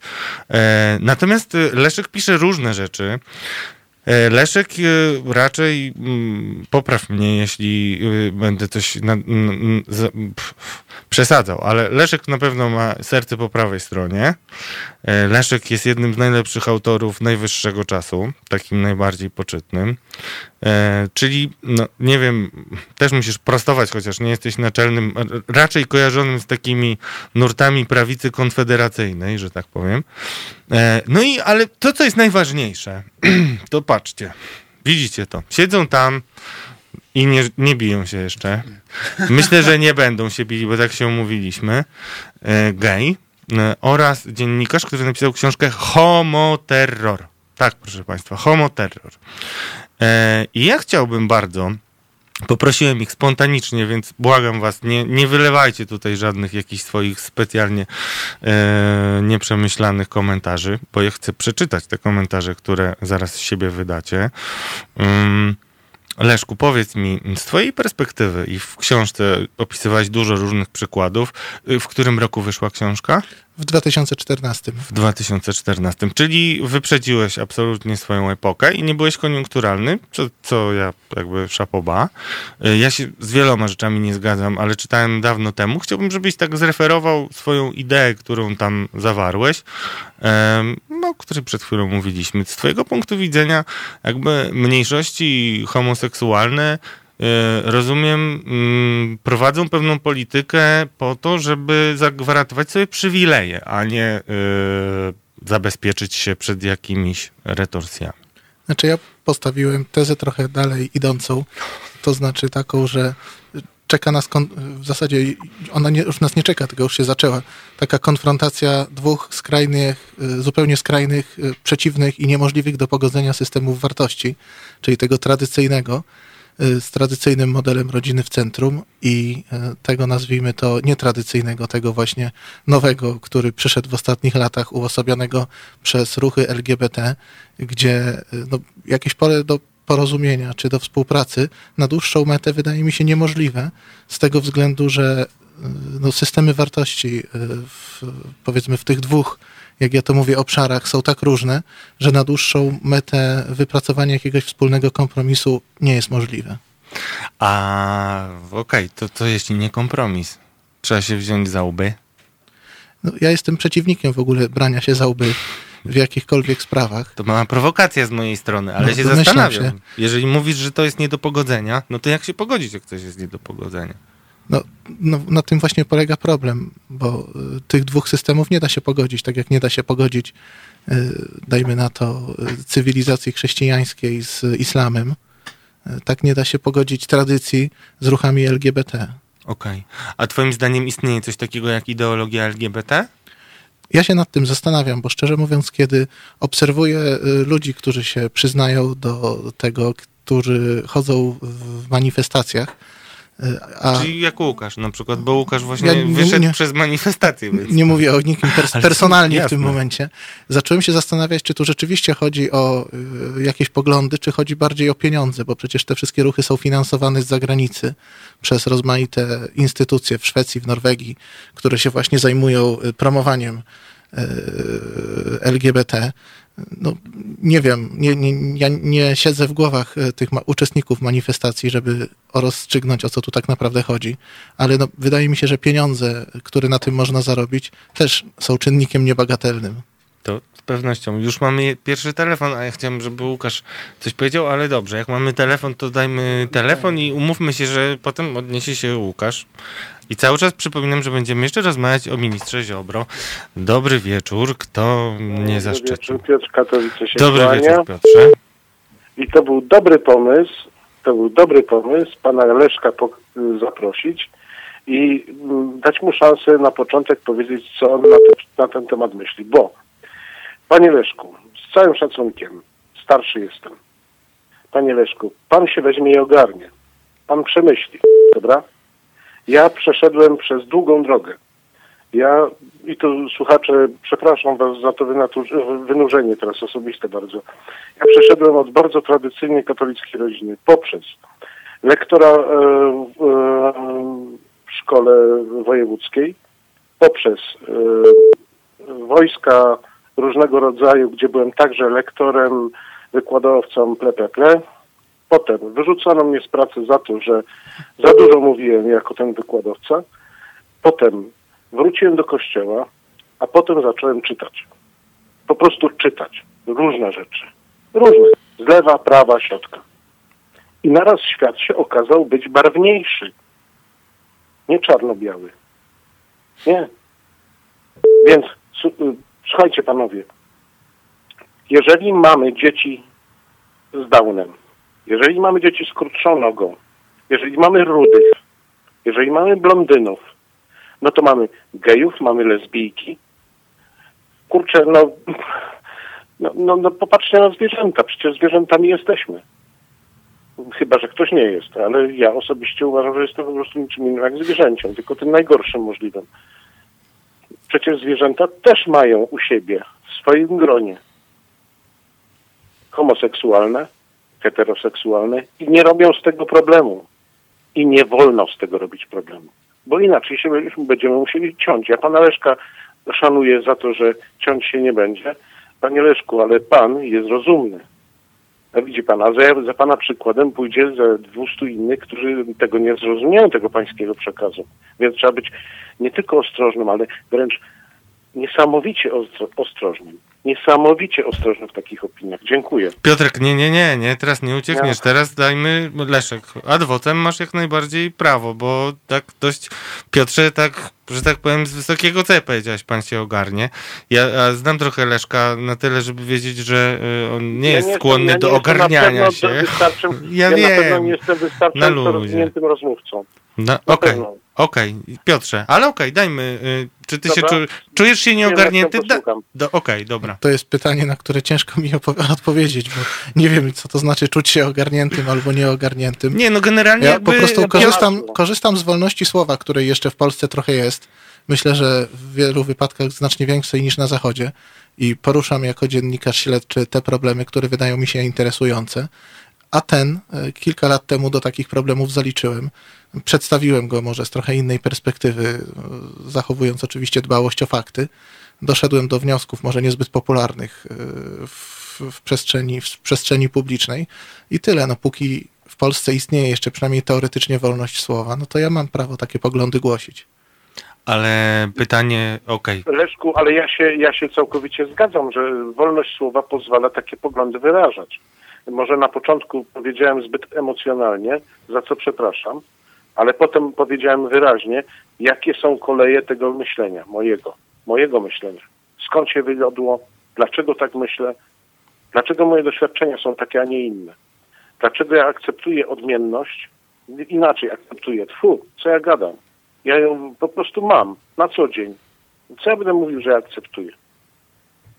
Mamy tą codzienną, tą, tą odmienność na co dzień.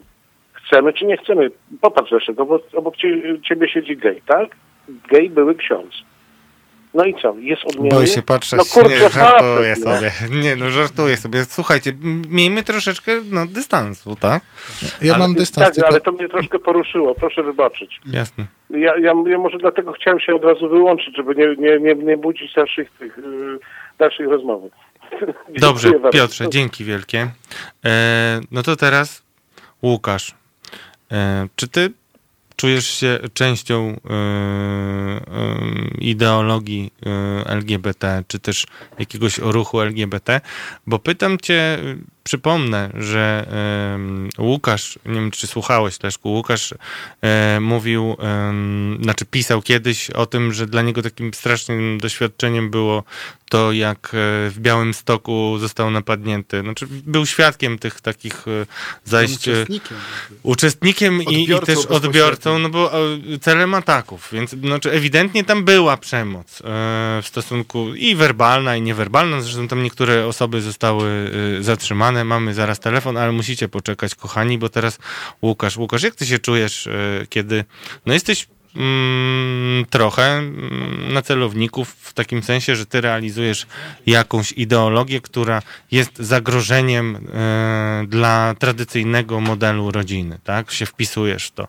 No, co ty czujesz? Bo to dla ciebie pewnie nie jest super komfortowa sytuacja słuchać tego, e, co mówi Leszek. Na pewno trudno będzie się zgodzić w Znaczy- ciągu trzech minut, ale Tak, jak ty się czujesz? Tak. Ale y, powiem tak, y, nie czuję się zagrożeniem. Tak, dlatego że mm, jakby tak y, myślałem też o tym jednokrotnie. Mm, ja mam chłopaka, żyję z chłopakiem. Y, Gdyby uznano nas jako małżeństwo, powiedzmy, gdybyśmy chcieli, tak? Bo nie każdy też gej teraz chce mieć, y, być w małżeństwie, tak jak nie wszystkie związki y, heteroseksualne też chcą być w małżeństwach, tak? Żyją też y, wielokrotnie, coraz częściej też gdzieś na takiej wolnej stopie. Ale tak sobie myślałem kiedyś na taki zdrowy ludzki rozum, tak? Nie wiem, czy my jako sąsiedzi, para gejów, stanowimy zagrożenie dla modelu czyjejś rodziny, naszych sąsiadów, powiedzmy, heteroseksualnych, tak? Y, Czy przez to, nie wiem, te rodziny będą się rozpadać? Czy przez to, nie wiem, ci ludzie będą się mniej kochać, dlatego że obok będą widzieli, że żyje dwóch facetów, którzy też się kochają, którzy żyją y, obok, po prostu jak każda inna rodzina, którzy gotują sobie obiad, wychodzą do pracy, idą razem do kina, nie wiem, no wszystko to, co inni, tak? Tylko po prostu żyją w związku y, osób tej samej płci, tak? Y, Nie wiem, ja, ja nie widziałem rozpadu rodziny, w sensie, tak, tradycyjnie rozumianej jako mężczyzna i kobieta, z powodu tego, że gdzieś istnieją związki homoseksualne, tak? O, A o ty, takiej naturze. Znaczy dobrze, mamy telefon, przepraszam, musimy. No. Ola, Ol, Olga, pani Olgo, dobry wieczór. Nie musimy, nie musimy. Bardzo dobrze się słucha. Ja y, y, y, chciałam powiedzieć, że przed chwilą, bo ja się włączyłam całkiem niedawno e, do audycji i myślałam, że e, rozmawiamy e, z proper księdzem. A dopiero teraz zrozumiałam, że, że Łukasz jest eks-księdzem, tak? Dobrze Formalnie jeszcze nie, ale już realnie tak. Tak.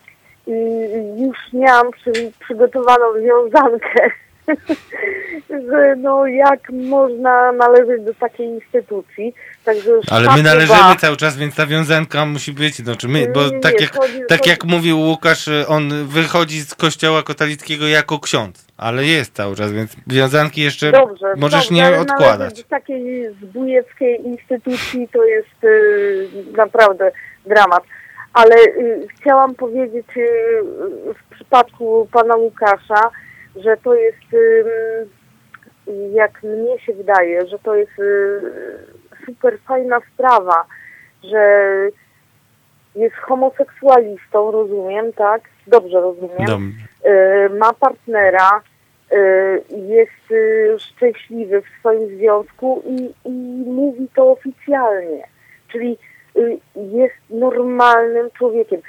Ja chciałam tylko powiedzieć to jedno, bo wcześniej, wcześniej coś takiego wybrzmiało, że y, akceptacja, nieakceptacja. Boże, y, my jesteśmy wszyscy ludźmi, prawda? Wszyscy jesteśmy ludźmi. I, i przecież to jest bez znaczenia, czy ja jestem heteroseksualna, y, czy pan jest homoseksualistą, czy ktoś jest inny jeszcze, nie wiem, transseksualistą, whatever. Naprawdę bez znaczenia. Wszyscy na początku wszystkiego jesteśmy ludźmi. I nie ma znaczenia, nie ma, nie ma tego dzielenia dla mnie osobiście, nie ma tego dzielenia, y, czy ja akceptuję to, czy to, czy tamto, czy tamto. Dopóki ja nie robię krzywdy drugiemu człowiekowi, guzik nie obchodzi, kim kto jest, prawda? Ja, nie wiem, no A co ja może... myślę, że to myślę, że to nie jest, nie jest dziwne, no. Czy ja się mylę, no. Bo ja zauważyłam, że w Polsce już się tak dzieli ludzi na jakieś kategorie, na jakieś po prostu... Ja nie wiem, ja tego nie rozumiem. Dosłownie tego nie rozumiem. Dla mnie wszyscy jesteśmy ludźmi, prawda? Ludźmi, po prostu ludźmi. I a co dalej? Jeżeli, jeżeli łamiesz prawo, dobra, to podpadasz pod kodeks karny i tyle. A cała reszta to jest jakiś wymysł, no nie wiem, no. Okej, Może Olga. ja to strasznie uprościłam. Troszkę, nie strasznie. Ale proste rzeczy są też ważne. I rozumiem twój przekaz i dziękuję ci za ten telefon. Dziękuję ślicznie, ale proszę to rozwinąć, naprawdę, bo to y, ja przez chwilę, przez chwilę usłyszałam właśnie coś takiego, że a, bo my będziemy akceptować takie zachowanie albo takie zachowanie. Jesteśmy ludźmi. Nie robimy sobie krzywdy nawzajem. Jesteśmy ludźmi, prawda? Jasne. Dzięki, Olga. Ja bym poprosił jednak, yy, żebyś, p- proszę cię jeszcze, Leszku, yy, teraz i chciałbyś się odnieść do tego, co Łukasz powiedział? Nie. Ale do czego konkretnie, szczerze mówiąc? bo- Konkretnie do tego, czy, czy ty uważasz, że to, że Łukasz z chłopakiem mieszkają naprzeciwko tradycyjnej rodziny jest zagrożeniem dla tradycyjnej rodziny? No, Trzeba byłoby zapytać tą rodzinę, naprzeciwko której Dobra, mieszkają. Nie, nie żartuję. Natomiast Okej, ale tak poważnie. Gdzie to- jest ten terror? Znaczy, bo pytania, bo żeby było, mówię zupełnie poważnie.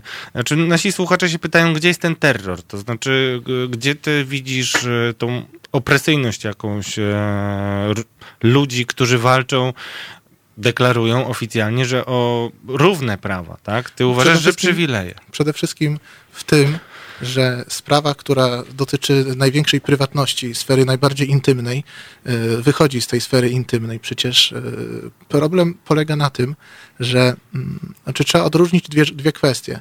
Trzeba odróżnić osoby o skłonnościach homoseksualnych y, od tak zwanych gejów, prawda? Bo osoby o skłonnościach homoseksualnych istniały od czasów jaskiniowych, istnieją i istnieć będą. Natomiast y, y, oni się z tym nie obnoszą. I e, ja e, jakby protestuję przeciw temu, e, żeby grupa ludzi się obnosiła ze swoimi skłonnościami seksualnymi i na tej podstawie domagała się jakichś specjalnych dla siebie przywilejów, prawda? Bo no, gdybym ja chodził sobie, biegał po krakowskim przedmieściu z jakimś transparentem, jestem hetero, jestem hetero, na przykład głosujcie na mnie, bo chcę mi No ale, uzyskać całowa, mandat ale do, do Sejmu się albo w parku pewnie na ławce z jakąś swoją byłą dziewczyną i wtedy się obnosiłeś ze swoją seksualnością. pewnie- Ja tak trochę jestem adwokatem Pewnie, diabła. pewnie, pewnie nie jedną No nawet, właśnie. ale z jedną, o, o, z, z orientacją jedną oczywiście się, obna, jeżeli już w ten sposób mówimy. Natomiast, natomiast e, dlaczego ma to wychodzić do przestrzeni publicznej, prawda? Dlaczego ja mam się dowiadywać e, od razu z kimś, kogo go poznaję, o słuchaj, ja jestem gejem, kiedy mnie to kompletnie nie interesuje, prawda? Y, Tutaj Ale to cię myślę, jakoś że... boli? Znaczy, bo ja, ja trochę cię rozumiem i trochę cię nie rozumiem, ale to cię jakoś boli, bo... Znaczy, bo homoterror to jest grubo, grubo. Terror to No jest więc, więc, więc tak jak mówię, sprawa. odróżnijmy te dwie kwestie. Odróżnijmy homoseksualistów, którzy sobie żyją ze sobą w czterech ścianach, robią co tam chcą i nikomu nie wadzą i się z tym nie obnoszą. No i tych nieszczęsnych gejów, którzy robią sobie z tego sposób na życie, na, na, na demonstracje i na tej podstawie domagają się dla siebie jakichś specjalnych przywilejów, prawda? No i tutaj trzeba powiedzieć stop, bo o ile każdy z nas żyjących tutaj e, na tej planecie czy w tym mieście jest daleki od tego, żeby zaglądać innym osobom do łóżka czy w cztery ściany. No, ja nie zaglądam swoim sąsiadom ani do łóżka, ani, ani w, do mieszkań, nie wiem co robią. W ogóle mnie to nie interesuje. E, Tak samo jak e, nikt, prawda, nie zagląda mnie, albo przynajmniej tak mi się wydaje. E, Przestańmy o tym mówić i ten problem sam zniknie. Okej. Wprowadźmy tą zasadę, któ- która była kiedyś w Stanach Zjednoczonych. Don't tell, don't ask. Nie pytaj, Ale ona została zniesiona, to była zasada w, w armii, y, ale okej, znaczy rozumiem. Łukasz, y, jeżeli pozwolisz Leszku, Łukasz zamknie y, ten wątek. Nam się, aha, nie, będziemy mieli jeszcze mieli jeden telefon. Dobrze, to może telefon, Łukasz i zamykamy wątek, bo się zobaczyliśmy. Piotr, znowu dzwonisz, dobrze, no, jesteś. Na tego ziobro biednego, a on biedny tam się gotuje już znowu, nie? Piotrze, to, to bo Tak, ja chcę być ja do grzeczny do Leszka, ja ciebie. do Leszka. Ty do Leszka, okej, a ja pójdę tylko Ale po krótko. książkę, dobrze? I Dobrze, nie gniewaj się na jasne. mnie, dobrze? Okej. Nie, nie gniewam się. Leszku, No to- ja chciałem zauważyć jedną rzecz. E, W tym kraju, który jest e, bardzo, bardzo tradycyjny, ale nie dlatego, że mm, my tak mamy, tylko dlatego, że nas tak wychowano. Tym kraju, który jest tak tradycyjny, inność, w tym przypadku gejów, nie postrzega się jakoś, jako czegoś normalnego na co dzień na ulicy. Dla nas e, wielu, tak mnie wychowano na przykład kiedyś, tak mm, wychowała mnie babcia, mama. E, Gej to jakoś taki dziwny jakiś taki, prawda? No i uważam, że Trudno się temu dziwić tak pomysł. do końca, no szczerze mówiąc. Ale to jest głupi pomysł. Wiesz co, to jest głupi pomysł, bo przecież jeżeli weźmiesz pod uwagę, ileż to e, spośród nas jest odmiennych seksualnie, heteroseksualnych, e, transseksualnych, a jak spojrzysz na Filipiny, to jeszcze się dowiesz innych, to powinniśmy jednak przyjąć to jako część naszej rzeczywistości. I teraz, dlaczego ja wiem, albo może nie tyle wiem, ale dlaczego ja rozumiem te e, w naszych warunkach demonstracje? Nie nazywam tego demonstracjami. Dla mnie to nie są demonstracje, dla mnie to jest dochodzenie swoich praw.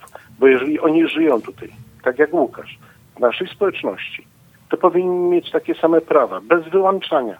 Ja szczerze Nie mówiąc wolno nie wiem, nie wiem wyłapać. jakie prawa osób heteros- homoseksualnych są w Polsce inne niż heteroseksualnych. Żyję No w tym kraju prawie popatrzcie, 40 lat, nie Leszku, zauważyłem. Leszku, O. Leszku, popatrz się na demonstracje w, Białymstoku. Jakie są inne?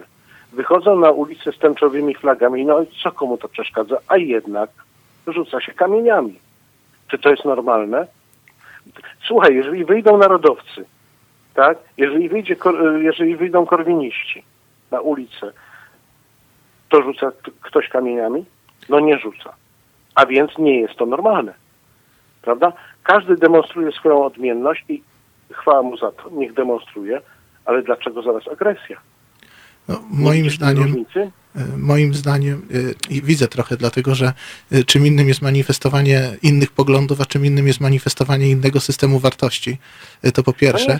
A po drugie, ja akurat uważam, że w ogóle warto byłoby zakazać manifestowania seksualności każdej, heteroseksualnej też i sprawa, problem by się Ale rozwiązał. ty, ty, ograniczasz, ty ograniczasz tylko i wyłącznie to do seksualności. To są po Ja? prostu Nie, rzeczywistości. To jest rzeczywistość. Ktoś wychodzi i mówi tak, ja chcę pokazać, że ja tu jestem. Tak? Falanga wychodzi z flagą, ja tu jestem. I co? Bije ktoś ich? A, a gejów biją. Dobra, Piotrze. Biją. Dobra, Piotrek, muszę cię przerwać, bo muszę teraz Ja dać wiem, jeszcze ja Łukaszowi i, i, i muszę Tak, jeszcze porozmawiać, bo to jest bardzo temat, ważne, bo czekamy. Okej, dzięki. Czekamy i będzie drugi program na ten temat. No okej, no jak Leszek się zgodzi, bo nie wiem, ostro go pojechałeś tutaj, powiem ci szczerze, tak po, po starej znajomości. sprawy, Dobra, Piotr, ale się skórę, wszyscy, ale wszyscy się lubimy i jakoś widzicie, że i gej, i autor Homo Terror może Dobra, siedzieć i rozmawiać. Dzięki Piotrze. Łukasz. Dobra, ja krótko tak się też postaram, żeby tutaj faktycznie żeśmy nie zdominowali tego. E, Ja po pierwsze jakby też chciałem powiedzieć, że mm, nie witam się z nikim, e, nazywam się Łukasz, jestem gejem. To, to nie, nie robię tego tak jak na meetingach, nie wiem, anonimów alkoholików. Nazywam się Łukasz, nie piję od trzech lat, e, bo tam jest taki program akurat, tak, to jest terapeutyczne, ale ja się nikim nie witam, e, że jestem gejem. Nawet tak naprawdę nie mam nigdzie e, przypinek tęczowych, choć jakby nie widziałbym też w tym nic złego, tak? Ludzie oflagowują różne rzeczy, tak? Nie wiem, swój patriotyzm oflagowują, oflagowują swoje przynależności, nie wiem, religijne też, e, swoje wartości jakieś światopoglądowe, e, no przeróżne, tak? W różny sposób. Gadżetami i tak dalej. Nie wiem, e, myślę, że osób manifestujących swoją seksualność, heteroseksualnych osób na tych ulicach, jakbyśmy dzisiaj się przeszli, teraz jest już wieczór, piątek, marszałkowską, byśmy zobaczyli wiele. Myślę, że jest, jest wiele par, które idą za rękę, jest wiele par, które się całują. Ja z moim chłopakiem, nawet będąc w Warszawie, nie odważę się na to. Także... Ale mówisz, nie odważysz się, ale chciałbyś pewnie. Oczywiście, odważyć, chciałbym no być nie? normalnie, nie na zasadzie żadnej manifestacji. Ludzie, patrzcie, uuu, dwóch gejów tutaj y, stoi. Tylko po prostu mam potrzebę iść z moim chłopakiem i go przytulić. No i jak ty na to się zapatrujesz, Leszek? Sorry, no. Mnie jest trochę trudno się do tego odnosić, bo ja nie miałem takiego dylematu nigdy. Moim zdaniem jest zasadnicza różnica między y, całującą się, całują, mężczyzną całującym się z kobietą, y, a mężczyzną całującym się z mężczyzną. Y, tak, mi się, tak mi się przynajmniej wydaje. Ja nie, nie postrzegam pocałunku mężczyzny z kobietą jako manifestację seksualności. Ja mówiąc o manifestacjach seksualności, mówiłem o tych paradach równości nieszczęsnych. y, To które- odniosę. które poza tym, że powodują mnóstwo irytujących komplikacji, chociażby w ruchu miejskim, co kierowców takich jak ja czasem doprowadza do rozpaczy, to, to jest właśnie stricte to, co ja uważam w ogóle powinno zniknąć z przestrzeni publicznej, czyli manifestowanie seksualności jako takiej, bo nie ma manifestacji e, onanistów, nie ma ma- manifestacji trialistów, nie ma manifestacji rozmaitych innych, prawda, istów. Dlaczego ma być manifestacja gejów? Dlaczego ma być manifestacja heteroseksualistów? Zostawmy sferę seksualną w sferze prywatnej. Niech ona nie wchodzi do przestrzeni publicznej i wszystkie te problemy znikną jednego dnia. Ja tylko powiem, że moja była y, partnerka, y, która kiedyś bardzo mnie inspirowała, mówiła, że ona się nie zgadza na tych gejów, którzy chodzą z piórami w dupie. Y, To jest cytat dosłowny. Łukasz. Byłem na Zamek. sześciu paradach w tamtym roku. Na żadnym nie widziałem geja z, z piórami w dupie. Przynajmniej w Polsce może za zimno u nas jest, żeby, żeby chodzić z piórami w dupie. Może w Rio de Janeiro albo gdzieś e, w Los Angeles, może i tak. Ale e, ja powiem, dlaczego ja wychodzę na tę ulicę i do tej pory czekam, i to jest e, taki inside joke wśród wielu aktywistów i, o, i osób w społeczności LGBT, że my po dzień dzisiejszy czekamy na przelewy od Sorosa. E, Jego dolary, które mają płynąć, mi nikt e, nie zwrócił e, za, e, za to, że ponosiłem koszty wyjazdu. Byłem i w Szczecinie najdalej e, na marszu. E, Nikt mnie nie opłacał e, za to, e, nie wiem, i tak dalej. Musiałem sobie znaleźć sam u znajomych, gdzie przenocować i tak dalej, więc to ja nie mam tego doświadczenia. Moi znajomi, którzy organizują, nie wiem, marsz y, w Lublinie chociażby, jestem z Lublina. Bart. Y, Tak, Bart. Y, Też, też nie, nie, nie dostajemy jakiś tutaj od wujka Sorosa pieniędzy na, na te marsze, więc jest to trochę, jest to trochę mit. Oczywiście są pewne granty, o które się ludzie starają w różnych e, fundacjach, ale są różne stowarzyszenia, e, które dostają różne granty. Po e, marszu w Białymstoku, tym feralnym bardzo marszu, zaatakowanym przez, przez nacjonalistów, środowiska, które organizowały kontrę, dostały gruby grant państwowy. Także popłynęły pieniążki nagle, tak? Kontrę, czyli... Kontra, ci, którzy zostali kamieniami, tak? Którzy stali za, za, za organizacją tej kontry. Także tam, e, chyba tam było 70 tysięcy to stowarzyszenie dostało. Także Okej. pieniążki popłynęły, tak? Nie tylko wujek Soros płacił, Rozumiem, ale że odpowiedzialnie to mówisz i ja to muszę oczywiście, oczywiście wierzyć że tak. i ja uważam, że to nie jest dobry pomysł. Okej, mamy Ale jeszcze... powiem Mhm. jeszcze tylko na Tak. koniec, bo y, chciałem powiedzieć, dlaczego, dlaczego ja tam wychodzę, tak? Y, dlatego, że jest to dla mnie jakaś przestrzeń, to co powiedziałem. Ja na co dzień dzisiaj w Warszawie, będąc nawet w Warszawie, co mówiąc, y, ci różni y, osoby LGBT w mniejszych miejscowościach w życiu y, nie wyjdą za rękę. Nie, nie wiedzą, czują w sobie to stłamszenie, że oni nie mogą być sobą w przestrzeni publicznej. I nie chodzi mi tu o żadne obnoszenie się, o obsceniczność, o zwykłe okazanie uczuć. Nie seksualności, tylko uczuciowości.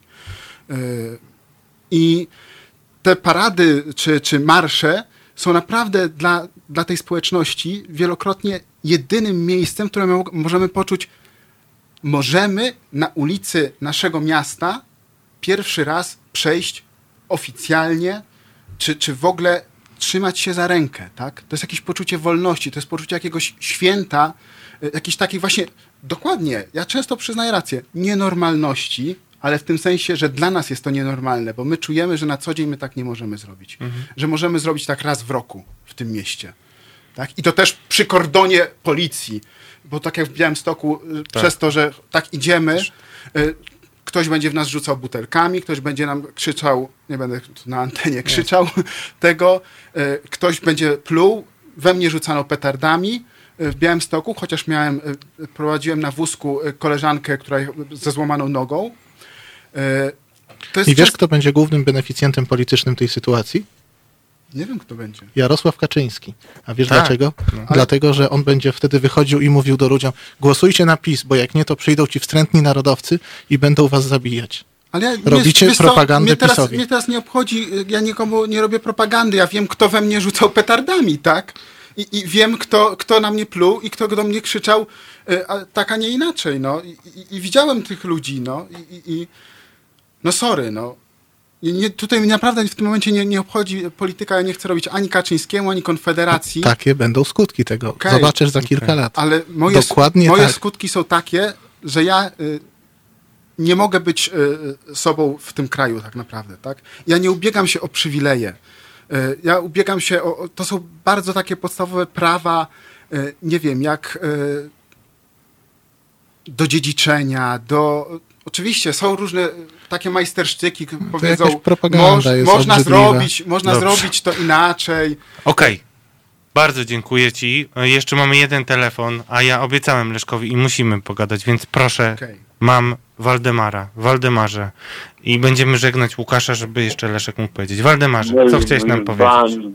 Bałem się, że nie wystarczy mi czasu. Mam dosłownie jedno zdanie mam do powiedzenia. Znaczy nam. Yy, proszę zwróćcie uwagę, czy zwróćmy uwagę na to, że w miarę postępowania audycji yy, te głosy, które tutaj padały, pani Olgi, pana Piotra, wasze również, powodowały, że przepraszam panie Leszko, ale jedynym wykluczającym się człowiekiem jest pan tak. Je- Jest pan właśnie w tej chwili. Proszę to przemyśleć. Nie, nie, nie w sensie, że ja, ja odrzucam pańskie myślenie, bo je szanuję. Nawet niektóre rzeczy mi się podobają, w sensie może bardziej kolorystyki, folkloru, ale jednak, no właśnie, tak chciałem powiedzieć. To pozdrawiam was serdecznie. Okej. Dobra, Ja dzie- tak, ja Dzięki dziękuję teraz za to, Łukaszowi, że- słuchajcie, włączymy szybko, tak, do orsików, e, Light My Fire, odetchnijmy.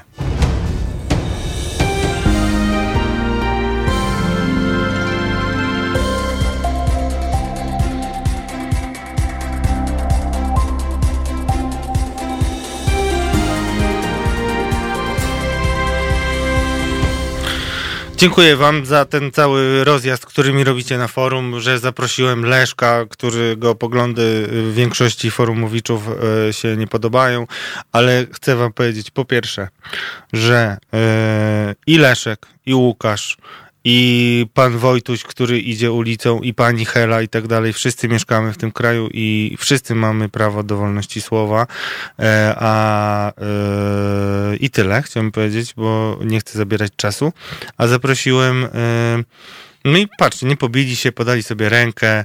E, pff, Temat jest e, duży, mm, poważny, natomiast chciałem wam też pokazać, też zobaczyłem to, że brakuje nam takich rozmów e, e, i takich e, aren, gdzie moglibyśmy wymienić poglądy, nawet jeżeli się nie zamierzamy dogadywać. Ale teraz będziemy rozmawiali nie o ideolo, tylko będziemy rozmawiali o faktach. I fakty, y, które zebrał Leszek Szymowski w swojej książce Uwikłany o Zbigniewie y, Ziobrze, y, uważam, że są nie do absolutnie przemilczenia. I to, że ta książka została przemilczana, wynika z wielu aspektów. e, e, Niemniej jednak e, chciałem, żeby Leszek wam opowiedział, co odkrył e, w osobowości Zbigniewa Ziobry e, i jakie mm, no jaka jest twoja konkluzja odnośnie postaci Zbigniewa Ziobro? Książka jest rzeczywiście bardzo em, bardzo mocno udokumentowana, tam nie ma e, wielu opinii, jest dużo takiej leszkowej złośliwości, e, ale nie ma żadnego przegięcia. Nie zostałeś pozwany, prawda, przez Zbigniewa Ziobro? Za tą książkę nie, Właśnie. ale ja chodziłem z nim po sądach już zaraz liczę. Ósmy, ósmy rok y, chyba będzie. Tak, ósmą rocznicę naszych sądowych relacji będziemy świętować za, za trzy tygodnie. I wygrałeś taki proces, to jest No nie ważne. jeden, No, nie, jeden, a No w marcu jeszcze czeka mnie być może rozprawa, a być może tylko posiedzenie niejawne w Sądzie Najwyższym, bo od sądu rejonowego tak przez kolejne szczeble żeśmy szli z różnymi procesami i zwieńczenie będzie tego właśnie w Sądzie Najwyższym, prawdopodobnie w marcu tego roku i to Ale będzie... powiedz o co chodziło w tych sporach, żebyśmy wiedzieli, że ty nie, nie, nie jesteś w ciemię bity. E, jeden telefon, ok? I zaraz Jasne. jeszcze nam powiesz. E, dobry wieczór, dobry wieczór. Dobry Marek wieczór. Z tej strony chciałem e, Dobry wziąć wieczór. udział w dyskusji. Dobry wieczór, panie Marku.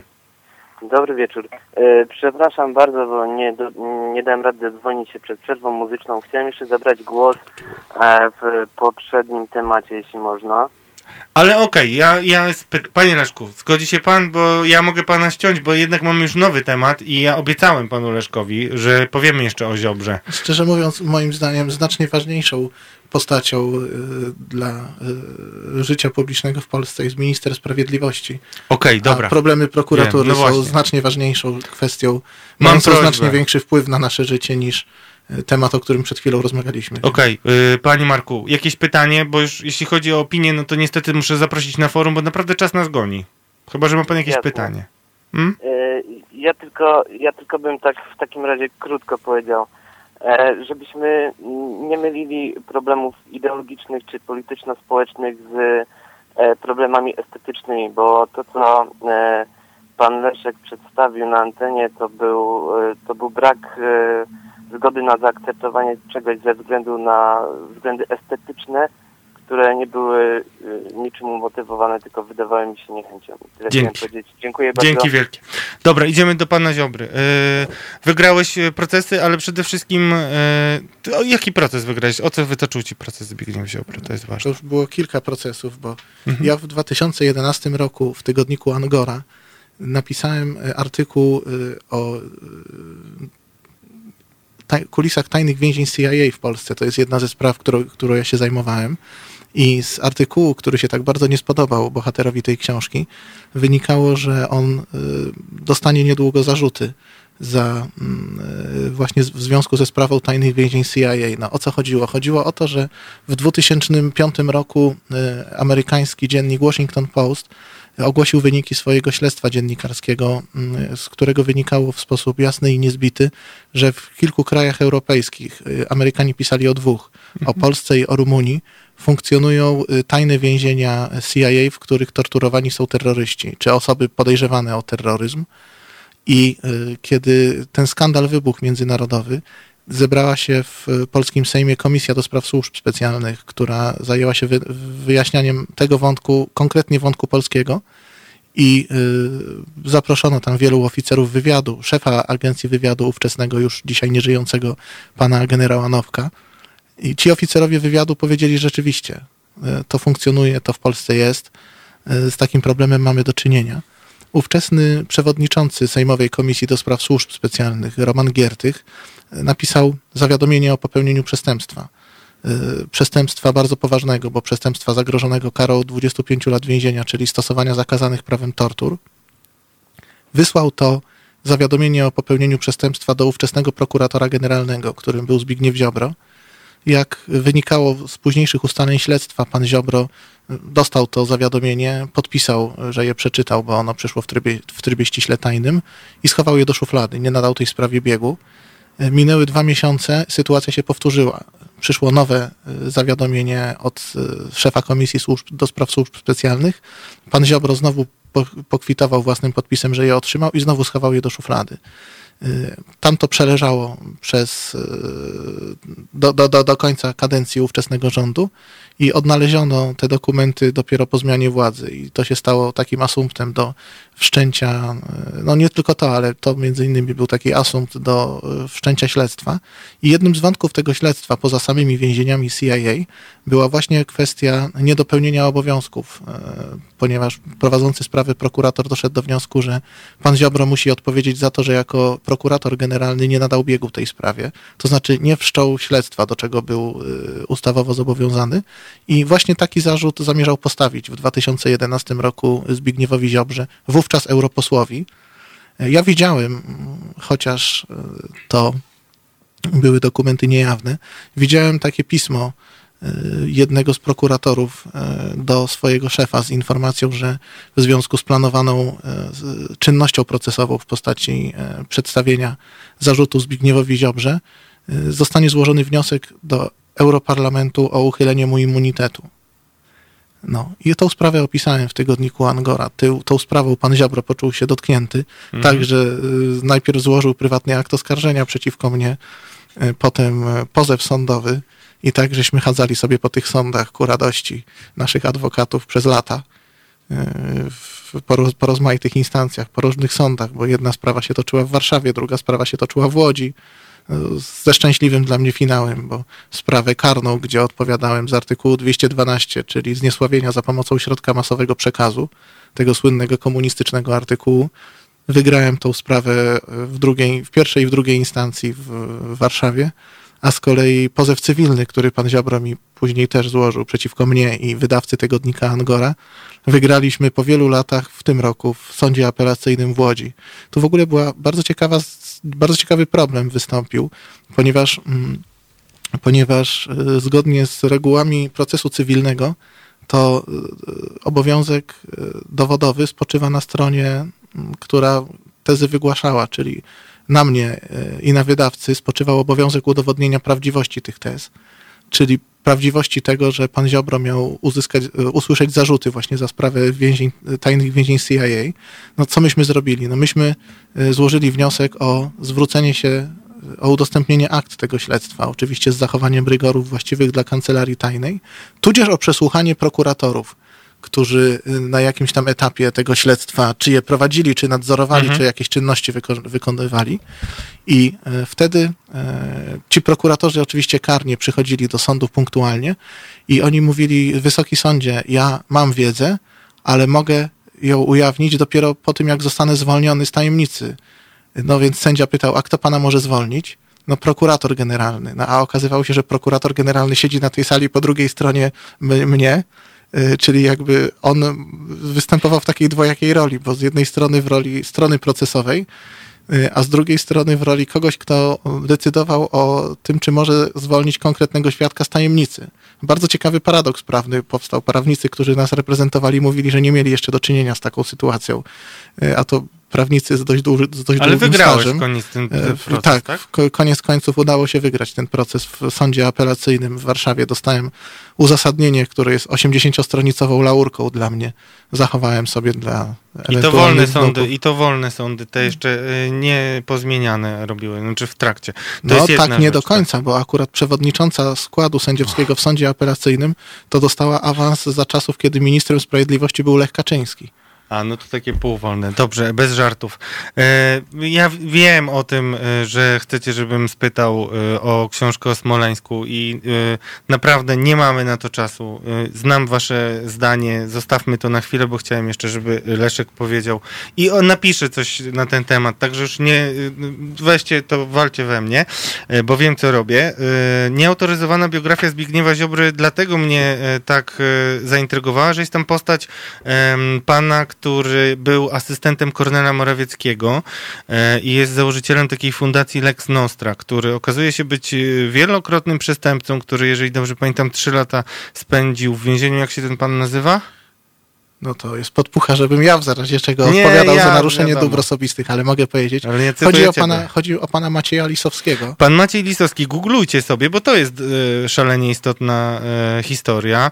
E, Maciej Lisowski przedstawiał się jako asystent Kornela Morawieckiego, co opisał Leszek i co mogę powiedzieć ja od siebie również weryfikowałem i miałem różne sygnały i wyobraźcie sobie, że ten pan jako przewodniczący fundacji dostaje miliony od e, Zbigniewa Ziobro i nikomu jakoś nie przeszkadza to, że był skazany, a co więcej, i to jest e, taką, takim newsem, który mam e, świeży z prokuratury, jedno z postępowań prokuratorskich prowadzonych przez prokuraturę Zbigniewa Ziobro zostało zawieszone, bo ten pan Maciej Lisowski jest chory, od, znaczy przedstawił jakieś zwolnienie i nie są w stanie jakoś e, doprowadzić do jego przesłuchania. To jest taka dziwna No choroba. właśnie, ale nie, powiedz, nie, bo mamy mało czasu. Chcę, żebyś wyciągnął wnioski. e, mamy ta, 4 minuty tak naprawdę.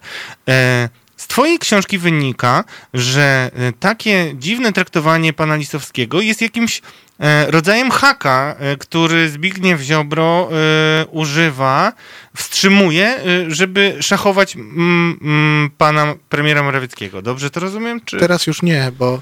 od- Teraz już nie, bo umarł pan, Kornel, y, ale- Kornel Morawiecki zmarł nieszczęśliwie, to wielki patriota był. Y, Zasłużony bardzo dla... Ale z ironią mówisz, czy nie? Bo nie wiem. Ja bardzo ce- ceniłem dokonania Okej. Kornela Morawieckiego Ja z czasów mniej. opozycji, natomiast, natomiast y, moim zdaniem on nie pasował do tej dzisiejszej polityki. Y, Ale to już temat na osobną Ale rozmowę. pan Lisowski natomiast, natomiast- w starciu, jest rywalizacja między Morawieckim a Ziobro w rządzie ewidentnie i ten pan Lisowski i to śledztwo, twoim zdaniem, mogło być jakimś... y, ka- Ja postawiłem tutaj takie wnioski, że to była taka gra, żeby mieć przysłowiowego haka na, na, na Mateusza Morawieckiego. No bo kiedy y, pan Ziobro, który jest zn- znany z nielojalności y, wobec swoich przełożonych, kiedy tam próbował zbierać rozmaite materiały kompromitujące y, panów Morawieckich obu i by mm, premier go przywoływał do porządku, no to mógł wtedy mm, mieć takiego straszaka na premiera, słuchaj, bo ja ci postawię w stan oskarżenia twojego ojca. Mhm. Y, No właśnie obecność pana Macieja Lisowskiego przy Kornelu Morawieckim moim zdaniem była taką trochę głębszą formą gry operacyjnej, to znaczy no, kryminalista skazywany 13 wyrokami i to skazywany nie, nie za jakieś bzdury typu tam pomówienia, czy jazda po pijaku, czy coś, tylko za oszustwa, wyłudzenia pieniędzy. Yy, No nagle zostaje asystentem społecznym marszałka seniora Sejmu. No i co więcej, ja mam relacje ludzi, i to jestem gotów powtórzyć w każdym sądzie, którzy mm, płacili łapówki panu Lisowskiemu, yy, który powołując się na Kornela Morawieckiego, oferował im a to zwolnienia z aresztu, a to coś tam, a to coś tam, a to coś tam. Yy, Potem okazało się, że niczego nie załatwiał. Natomiast y, wiadomo, i to było, to było, to było, to jest klucz tej sprawy, że Kornel Morawiecki był przez wiele osób ostrzegany. Ja znam raz, dwa, trzy osoby. Ja byłem Ja znam czwartym, czwartą i piątą. która, która, która go ostrzegała. No i tu można byłoby rzeczywiście e, wtedy, kiedy Kornel Morawiecki jeszcze żył, próbować postawić mu zarzut e, niedopełnienia obowiązku służbowego, czy jakieś takie tolerowanie korupcji, czy to, sytuacja była niewygodna. Zupełnie nie mogę zrozumieć, dlaczego Kornel Morawiecki, który przecież przez w latach 80. był przyzwyczajony do prowokacji, które przeciwko niemu służba Czytałeś książkę Tomasza Piątka Morawiecki i jego tajemnice? Yy, fragmenty. To co przeczytaj całą, to będziesz więcej wiedział. Y, I no, mogę się dziwić, że Kornel Morawiecki, no, człowiek doświadczony bardzo przez życie, bardzo doświadczony, wytrawny polityk, y, to tolerował, więc, y, więc Okej. Może mnie to dziwić. No to jest afera, która trwa do dzisiaj, bo przecież nie dalej jak kilka dni temu Fundacja Lex Nostra znowu się pochwaliła tym, że jakieś dotacje dostała z Ministerstwa Sprawiedliwości. No, rząd dobrej zmiany, walczący z y, prawda, patologiami, który finansuje z publicznych pieniędzy fundację gościa mającego 13 wyroków karnych za oszustwa, no to jest coś, czego jeszcze nie było w Polsce. A ja was na koniec odeślę jeszcze do mojej starej audycji, gdzie rozmawiałem z Sebastianem Klauzińskim z Okopres o Funduszu Sprawiedliwości, bo to właśnie z tego funduszu e, Tak. grube miliony płyną Dokładnie do tak. Macieja Lisowskiego, jego fundacji promowanej też w mediach dobrej zmiany e, i to są e, też e, pewne historie e, spośród wielu naprawdę niepokojących, które ujawnił Leszek e, w swojej książce e. E, Możecie ją znaleźć dość prosto w internecie. Na dzisiaj niestety muszę kończyć. Wiem, że będziecie jeszcze dalej dyskutować. Ja dziękuję Leszkowi, że zgodził się na ten eksperyment.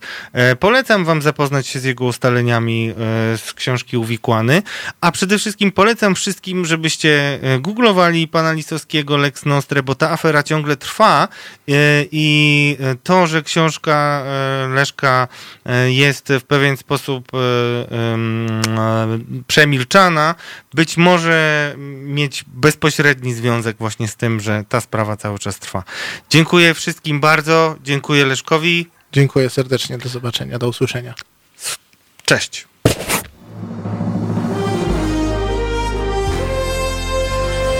To proste. Żeby robić medium prawdziwie obywatelskie, potrzebujemy Państwa stałego wsparcia finansowego. Szczegóły na naszej stronie www.halo.radio, w mobilnej aplikacji na Androida i iOS-a oraz na koncie Fundacji Obywatelskiej w serwisie www.patronite.pl. Naszym darczyniom i darczyńcom serdecznie dziękujemy. www.halo.radio. Słuchaj na żywo, a potem z podcastów.